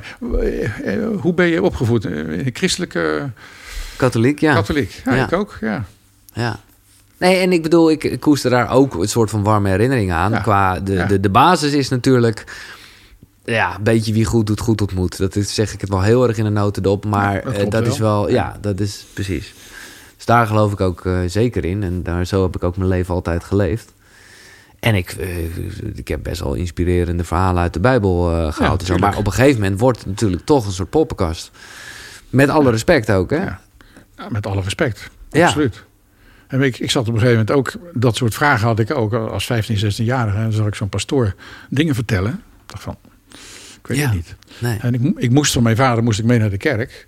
En op een gegeven moment hadden we een, een beetje een verlichte pastoor. En die zei toen op een gegeven moment, vanaf de preekstoel... van ouders, je kunt je kinderen niet dwingen om naar de kerk te gaan. En ik stootte mijn vader aan. Hij reageerde natuurlijk niet, Nee. pas toen we thuis kwamen. en ik wist dat hij heel hiërarchisch dacht. Ja. Wat meneer pastoor zei was waar, wat de bisschop zei was nog meer waar... en de paus, dat was onfeilbaar. Hè, zo. Dus toen zei ik tegen een pa, je hebt gehoord wat meneer pastoor zei. Dus ik ga vanaf nu niet meer mee naar de kerk. Hij kon daar niks op zeggen, want hij dacht hiërarchisch. En ik ben er vanaf dat moment niet meer meegegaan. Maar daarna ben ik dus eerst een tijdje atheïst geworden. Ja, even de slinger aan de kant proberen. Nihilisten, nou, daar komt bij voorliefde voor Hermans en, Ja, Nietzsche en al die mensen meer. Ja, En dan gaat die slinger weer de andere kant op. En, en dan ga je op je eigen spirituele zoektocht en kom je de dingen tegen die voor jou kloppen. In plaats van dat je ze overgeleverd krijgt. Dus ik geloof dat secularisatie een heel belangrijk iets is. Waar Wat mensen, zeg je nu? Secularisatie, Ja. dat mensen dus de kerk uitgaan. Ja, oké, ja, ja. Om in feite zichzelf te vinden. Het is een soort puberteit. Ja, ja, het is je- heel ja, mooi. Je gaat, gaat opnieuw denken en kijken wat klopt er nou voor mij. Ja, want uiteindelijk hebben we allemaal wel behoefte aan een soort van zingeving. eh, Tuurlijk, ja, ja, tuurlijk. Tuurlijk. Hmm, En of je dat nou God wil noemen of niet, dat maakt geen bal uit. Maar nee, die zingeving of dat gevoel van mijn leven heeft een waarde. Hè? ja. Ik breng hier Ja, iets. wat ik dus altijd wel heb gevoeld, ook als kind zijnde, is dat er wordt gewoon zo naar boven gekeken. Naar, naar, naar toch echt heel erg... Nou ja, ik heb het eerder een soort Sinterklaas genoemd. Ik wil echt Ja. niemand beledigen, Nee, maar... maar de God buiten ons. Ja, en, en, en toen dacht ik al zittende daar in de kerk... jongens, het gaat om dit alles hier samen. Ja, natuurlijk. Dat, ja, En wij zijn allemaal een deel van die goddelijkheid, dat holografische Exact. idee. Dus je hebt het hier te doen. Je hebt het hier te brengen. ja. En je kunt zeggen, ja, daar zit het. Maar ja, we wijzen altijd nog naar boven omdat het handig is of zo. Maar het zit hier. Het zit vooral in je hart en in je bewustzijn. We gaan er even uit. Dat wil zeggen, ik moet gewoon even plassen. maar we zijn zo terug. Oké. Wil je nog iets? Oh ja. ja, we zijn weer terug. Misschien is dit het tweede gedeelte. Dat weet ik even nog niet hoe ik dat ga doen. Maar we zitten gewoon lekker lang te praten, Willem. En, en, en het valt me nog mee, want ik wist al van tevoren met al jouw kennis en wijsheid. eh, nou ja, dat is gewoon een hoop te bespreken. En ik merk ook, jij vindt het ook fijn. Althans, eh, ja, tuurlijk. ja, heerlijk. Wat, wat een leven heb jij. Ja, ik heb een ontzettend. Ik ben heel gelukkig. Ja. Dat zei ik toen straks al. Ja, fantastisch. Ik doe de mooiste dingen. Ja. Eh, veel vragen zijn er binnengekomen. En ik heb er een paar eh, soms samengevoegd. Dus als je vraag er niet bij zat, dan is dat meer omdat die op een eh, andere manier eh, wel gesteld wordt. Veel bedankjes ook eh, van mensen. Laat ik beginnen met een vraag van eh Dek88RD. Decorate, is dat een soort grap? Nou ja, goed. Hoe is je proces rondom vergeving verlopen? En hoe denk je terug aan betreffende situaties? We hebben het hier even kort over gehad. Eh, maar ja, de, de vraag komt nog een keer. In feite heb ik het eigenlijk al Ja. verteld met mijn vader sowieso. Hoe dat proces gegaan is. Dat je eh, ja, vanuit je boosheid en je haat en je slachtofferschap uiteindelijk de omslag maakt naar waar je hem kunt vergeven en weer kunt zien wie die werkelijk is. Heb je veel last gehad van wat jij zelf ook beschrijft, de, de excuses om niet te vergeven? Hebt- ik ken ze allemaal, ja. Ja, nee, maar dat is wel echt. In, in de zin van dat je begrijpt, je, je probeert het te ont- ontlopen. Ja. hè? Ik zeg altijd, we zijn pijnvermijdende beestjes. Dus op een of andere manier willen we dat niet. Want je denkt namelijk dat als je gaat vergeven, dat je je pijn allemaal tegenkomt. Voor een deel is dat zo. Maar je komt je pijn alleen maar nog maar tegen om hem los te laten. Ja. Nou, het is voor Het mensen gaat, even gaat los. niet, een, een, gaat niet om herbeleven. Ik denk dat sommige mensen ook oprecht bang zijn om het kwijt te raken, omdat het bijna Ja. een soort stuk van hunzelf is Ja, dat geworden. klopt. Althans, zo voelt dat. Dus een soort identiteit geworden. Ja, hè? ja. Met name met mensen die in slachtofferschap zitten. Ja. Dat is een identiteit en het is lastig om daar weer uit te komen. Om te gaan zien dat je in feite juist aan degene die je als de boosdoener in je leven beschouwt, dat je daar je hele hebben en houden hebt overgegeven. Je bent in feite afhankelijk en je zit te wachten tot die ander een keertje zegt van, ach ja, Nee, precies. Ik doe even een paar excuses eh, om niet te vergeven. Dit is mooi namelijk en is ook wel herkenbaar. Eh, ik hoef niet te vergeven, want ik had zelf ook schuld aan de zaak. Ik kan niet vergeven, want ik houd ook van haar. Ik kan pas vergeven als hij of zij spijt betuigt en excuses aanbiedt. Ja, dat is een hele klassieker. Ja, die is classic natuurlijk inderdaad. Ik vergeef pas als zij belooft het nooit meer te doen. Weet je in de lijn ervan. Als ik vergeef, dan doet hij het weer. Haat houdt me waakzaam. Ja. Ik kan pas vergeven als ik begrijp waarom zij dit heeft gedaan. Dit is onvergeeflijk, want dit is zo groot. Ik kan pas vergeven als het ook echt zo voelt. Ik heb al zo vaak mijn pijn herbeleefd en mijn woede geuit. Ik hoef niet meer te vergeven. Ja, dat is dus de misverstand dat je dus door te vergeven al die emoties nog een keer moet oprakelen. hè? Ja. Of zelfs, en dit is, een, dit is er wel eentje die heel vals is. eh, in de zin van dat je ook denkt van ja, ik hoef diegene niet te vergeven, want ik heb medelijden met hem of Ja, dan haar. ga je erboven staan. Ja. Dus ik denk, ik denk dat, dat, is een hele tricky one. De cursus noemt dat zelfs forgiveness to destroy. Dus vergeving om te ver- vernietigen, want je gaat erboven staan. Het heeft niks meer met vergeven te maken. Je zegt, ik ben zo goed dat ik, dat ik jou vergeef... maar jij blijft natuurlijk wel die ellendige zondaar. Je blijft schuldig. Ja. Het feit alleen al dat ik jou moet vergeven... bewijst dat jij schuldig bent. Nou, dan hang je erboven en heeft niks met vergeven te maken. Nee. Nee, ik kan zo even doorgaan. Deze wil ik nog even zeggen. Ik wil geen relatie met diegene, dus ik hoef ook niet meer te vergeven. Ja, ja, was het maar zo. Of nou, was het maar zo. Nee, nee, zo is je hebt al die niet. relatie. Ja, bedoel, eh, Ja. Juist die relatie nodigt uit tot te vergeven. Ja. Jim van de Jacht heeft een vraag. Wat raad je aan voor een beginner op het spirituele pad? Er is zoveel te kiezen. Ja. Dat ik een moeilijke vraag. ja, het is een er grote er vraag. is zoveel. Ja, er is ja, zoveel. ja. En dan denk ik toch van, waar gaat je interesse het eerst naartoe? Nou ja, we hebben het hier ik ben even, met betrekking tot jou niet echt over gehad in zoverre. We hebben het wel gehad over het moment in 1985, maar toen was je toch al daar op die cursus. Ja. Dus, dus, dus wat zijn jouw eerste stappen geweest?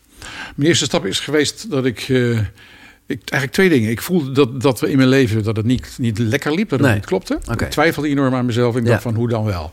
Ja. dat is meestal een impuls. En ontevredenheid iedereen- is altijd precies. een goede... Altijd een goede om te gaan Ja. bewegen. Ja. En toen las ik dus een interview met Elisabeth Kubler-Ross in het dagblad De Tijd. En Oh, daar stond heel klein onder het adres van haar stichting. Nou, daar heb ik een kaartje naartoe gestuurd en toen hoorde ik dat er dus die workshop was. Ja, ja. En toen kreeg ik dus echt een soort hand in mijn rug die zei, daar ga je naartoe. En dat was echt, echt totaal duidelijk van, het was niet uit mij afkomstig, het was gewoon, je gaat daar naartoe. En nou ja, de rest is geschiedenis, daar heb ik mijn omslag meegemaakt die ik net vertelde. Maar kunnen we zeggen tegen Jim, of is dat te flauw van... het komt vanzelf wel iets op je pad?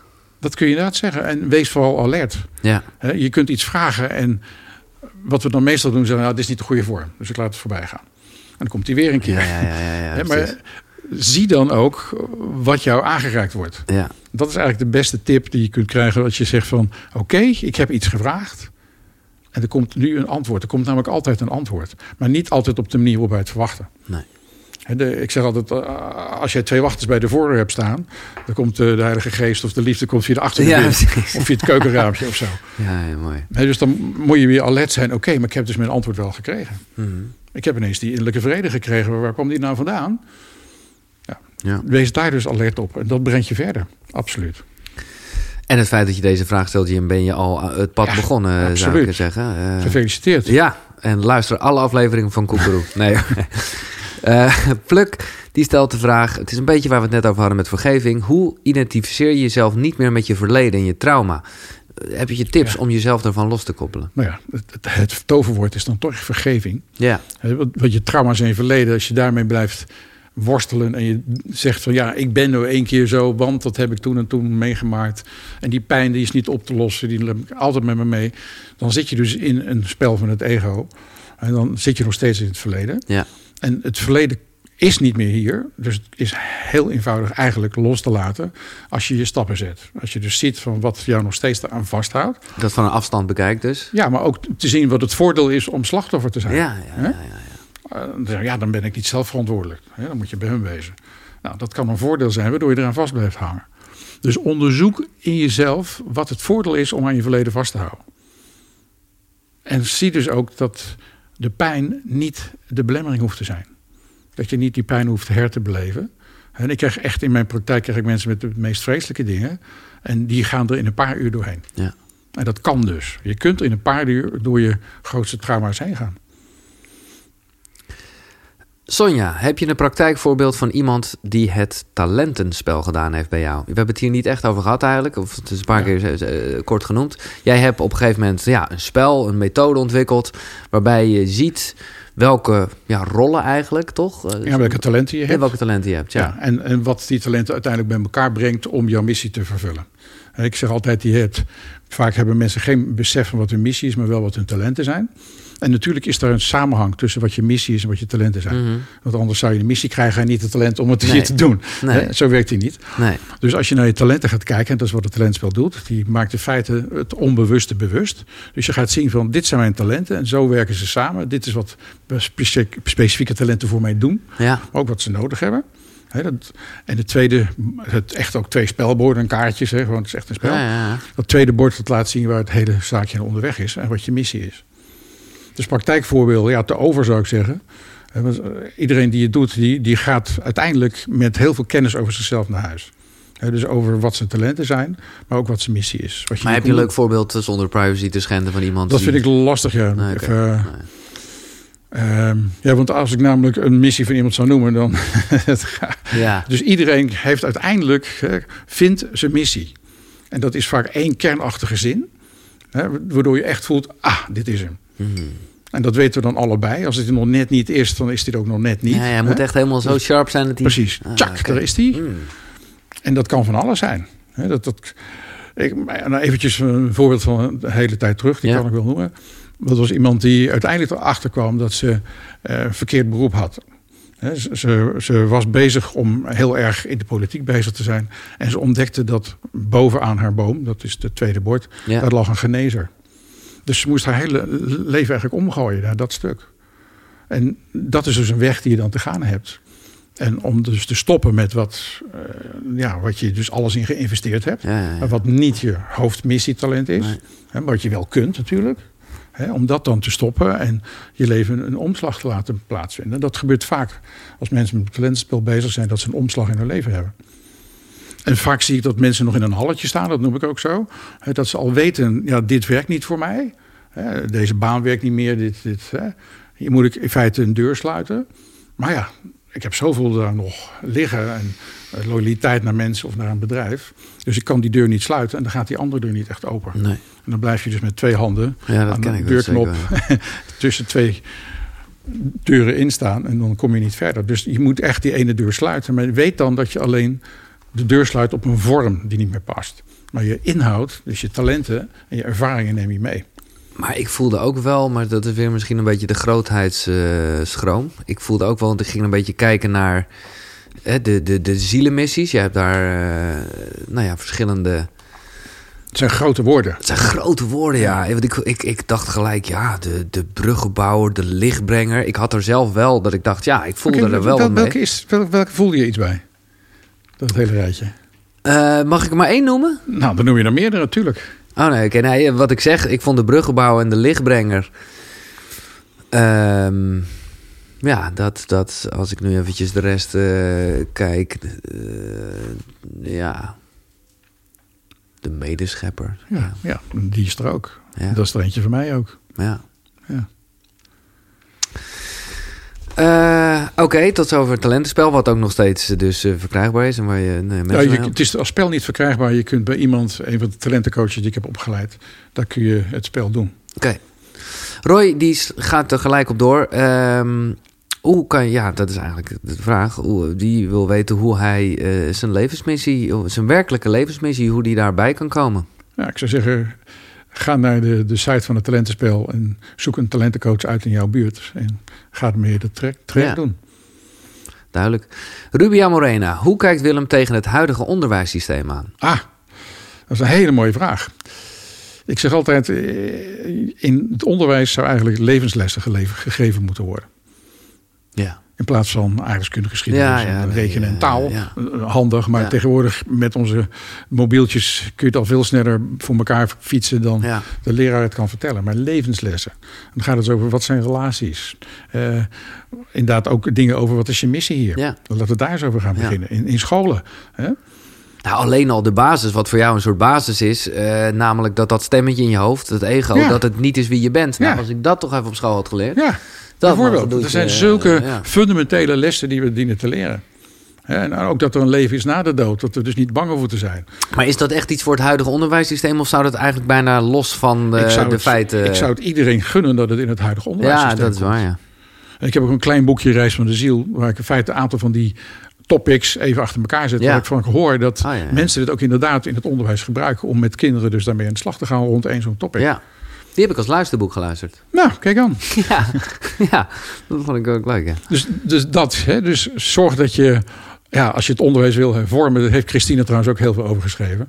Hè, kijk dan naar wat je missie is. Wat komt een kind hier doen? Hè, we hebben ook naast het eh, volwassen talentspel ook een jong talentspel. Hè, om, om kinderen al te helpen om die missie te gaan voeren. Ja, ja.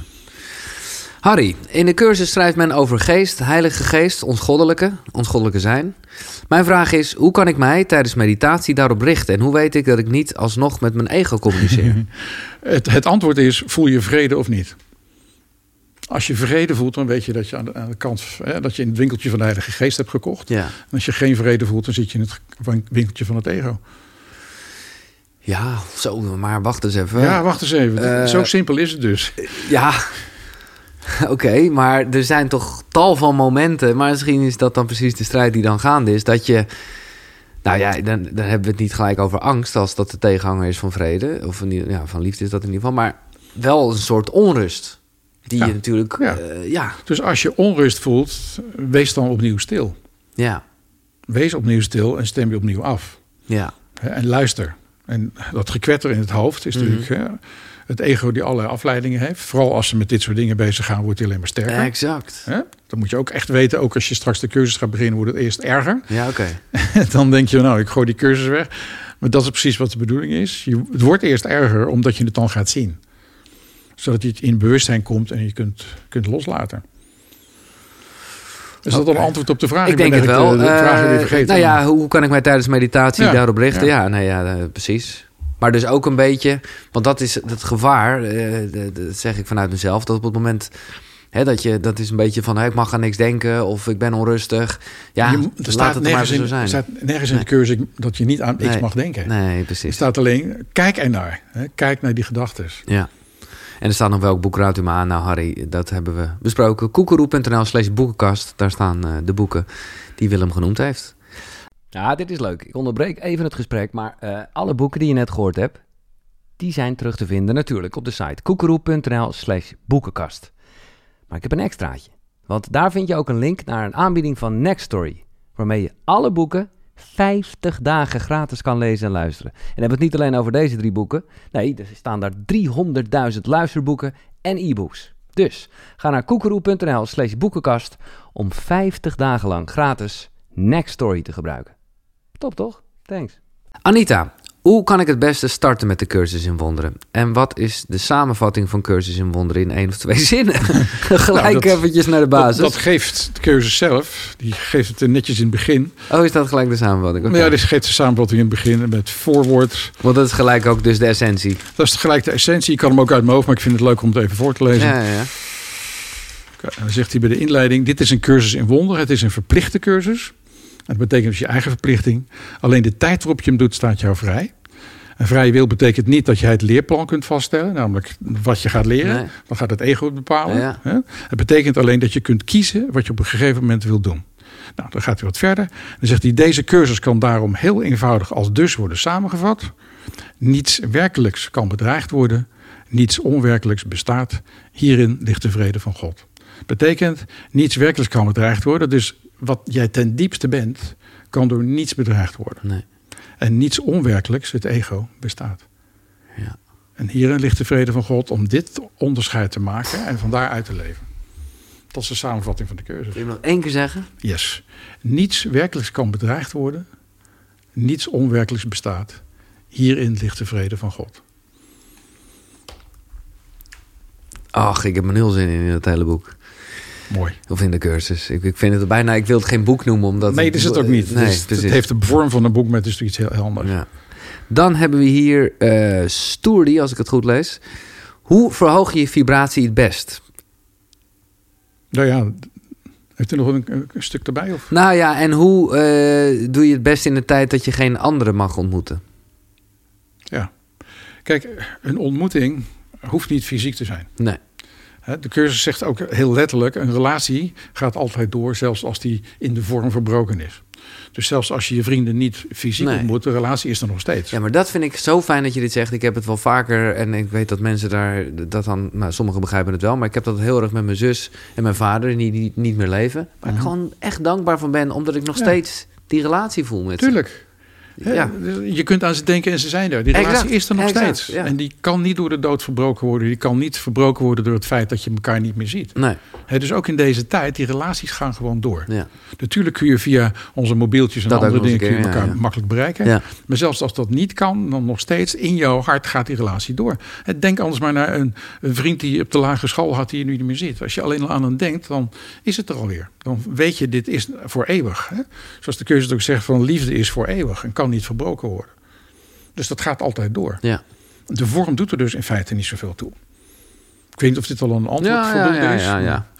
Nou ja, dat is, dat is een beetje eigenlijk op vraag 2. Hoe je het beste doet in de tijd dat je geen andere mag zien. Dat is er eigenlijk geen beperking. Maar hoe verhoog je vibratie het Hoe verhoog je vibratie? Nou ja, dat hebben we net even al gehad, maar ook aan de hand van Christina. Hè, door de dingen te doen waar je echt blij van wordt, waar je enthousiast van wordt. Schoonheidsbelevingen, je missie leven, met liefde bezig zijn. eh, en dan bijvoorbeeld een vorm te nemen die jou, bij jou past.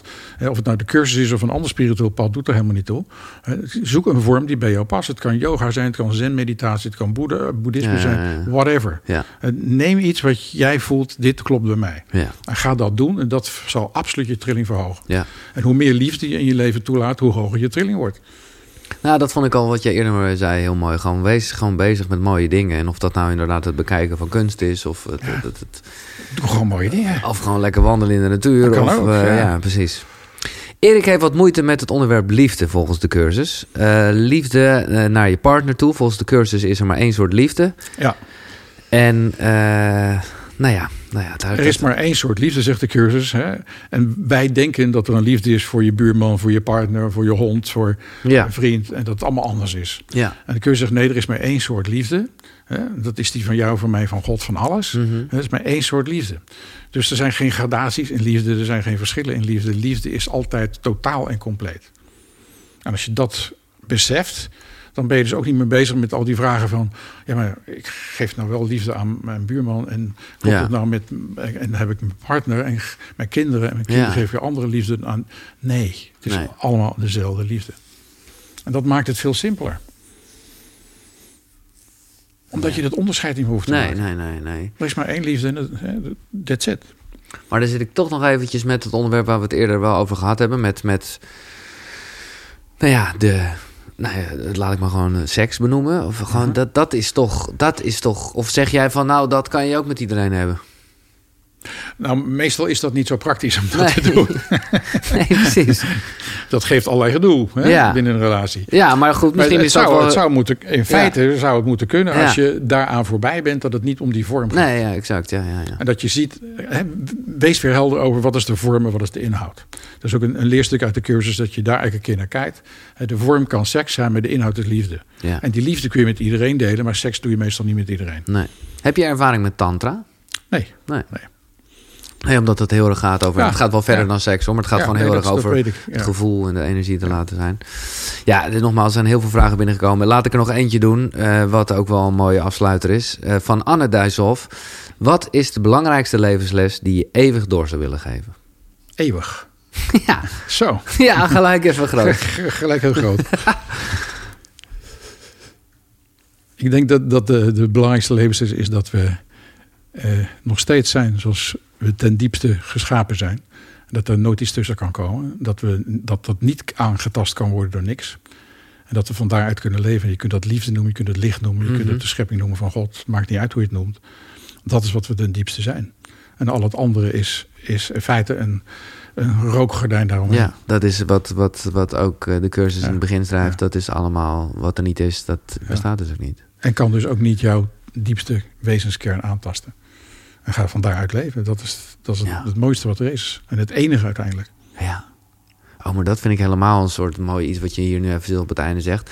Dat het je niet inderdaad je diepste... Je kan er dus heel erg van slag van raken. Hè? Je kan er heel erg off-track van raken. Dat kan van alles met je doen. alles. Ja.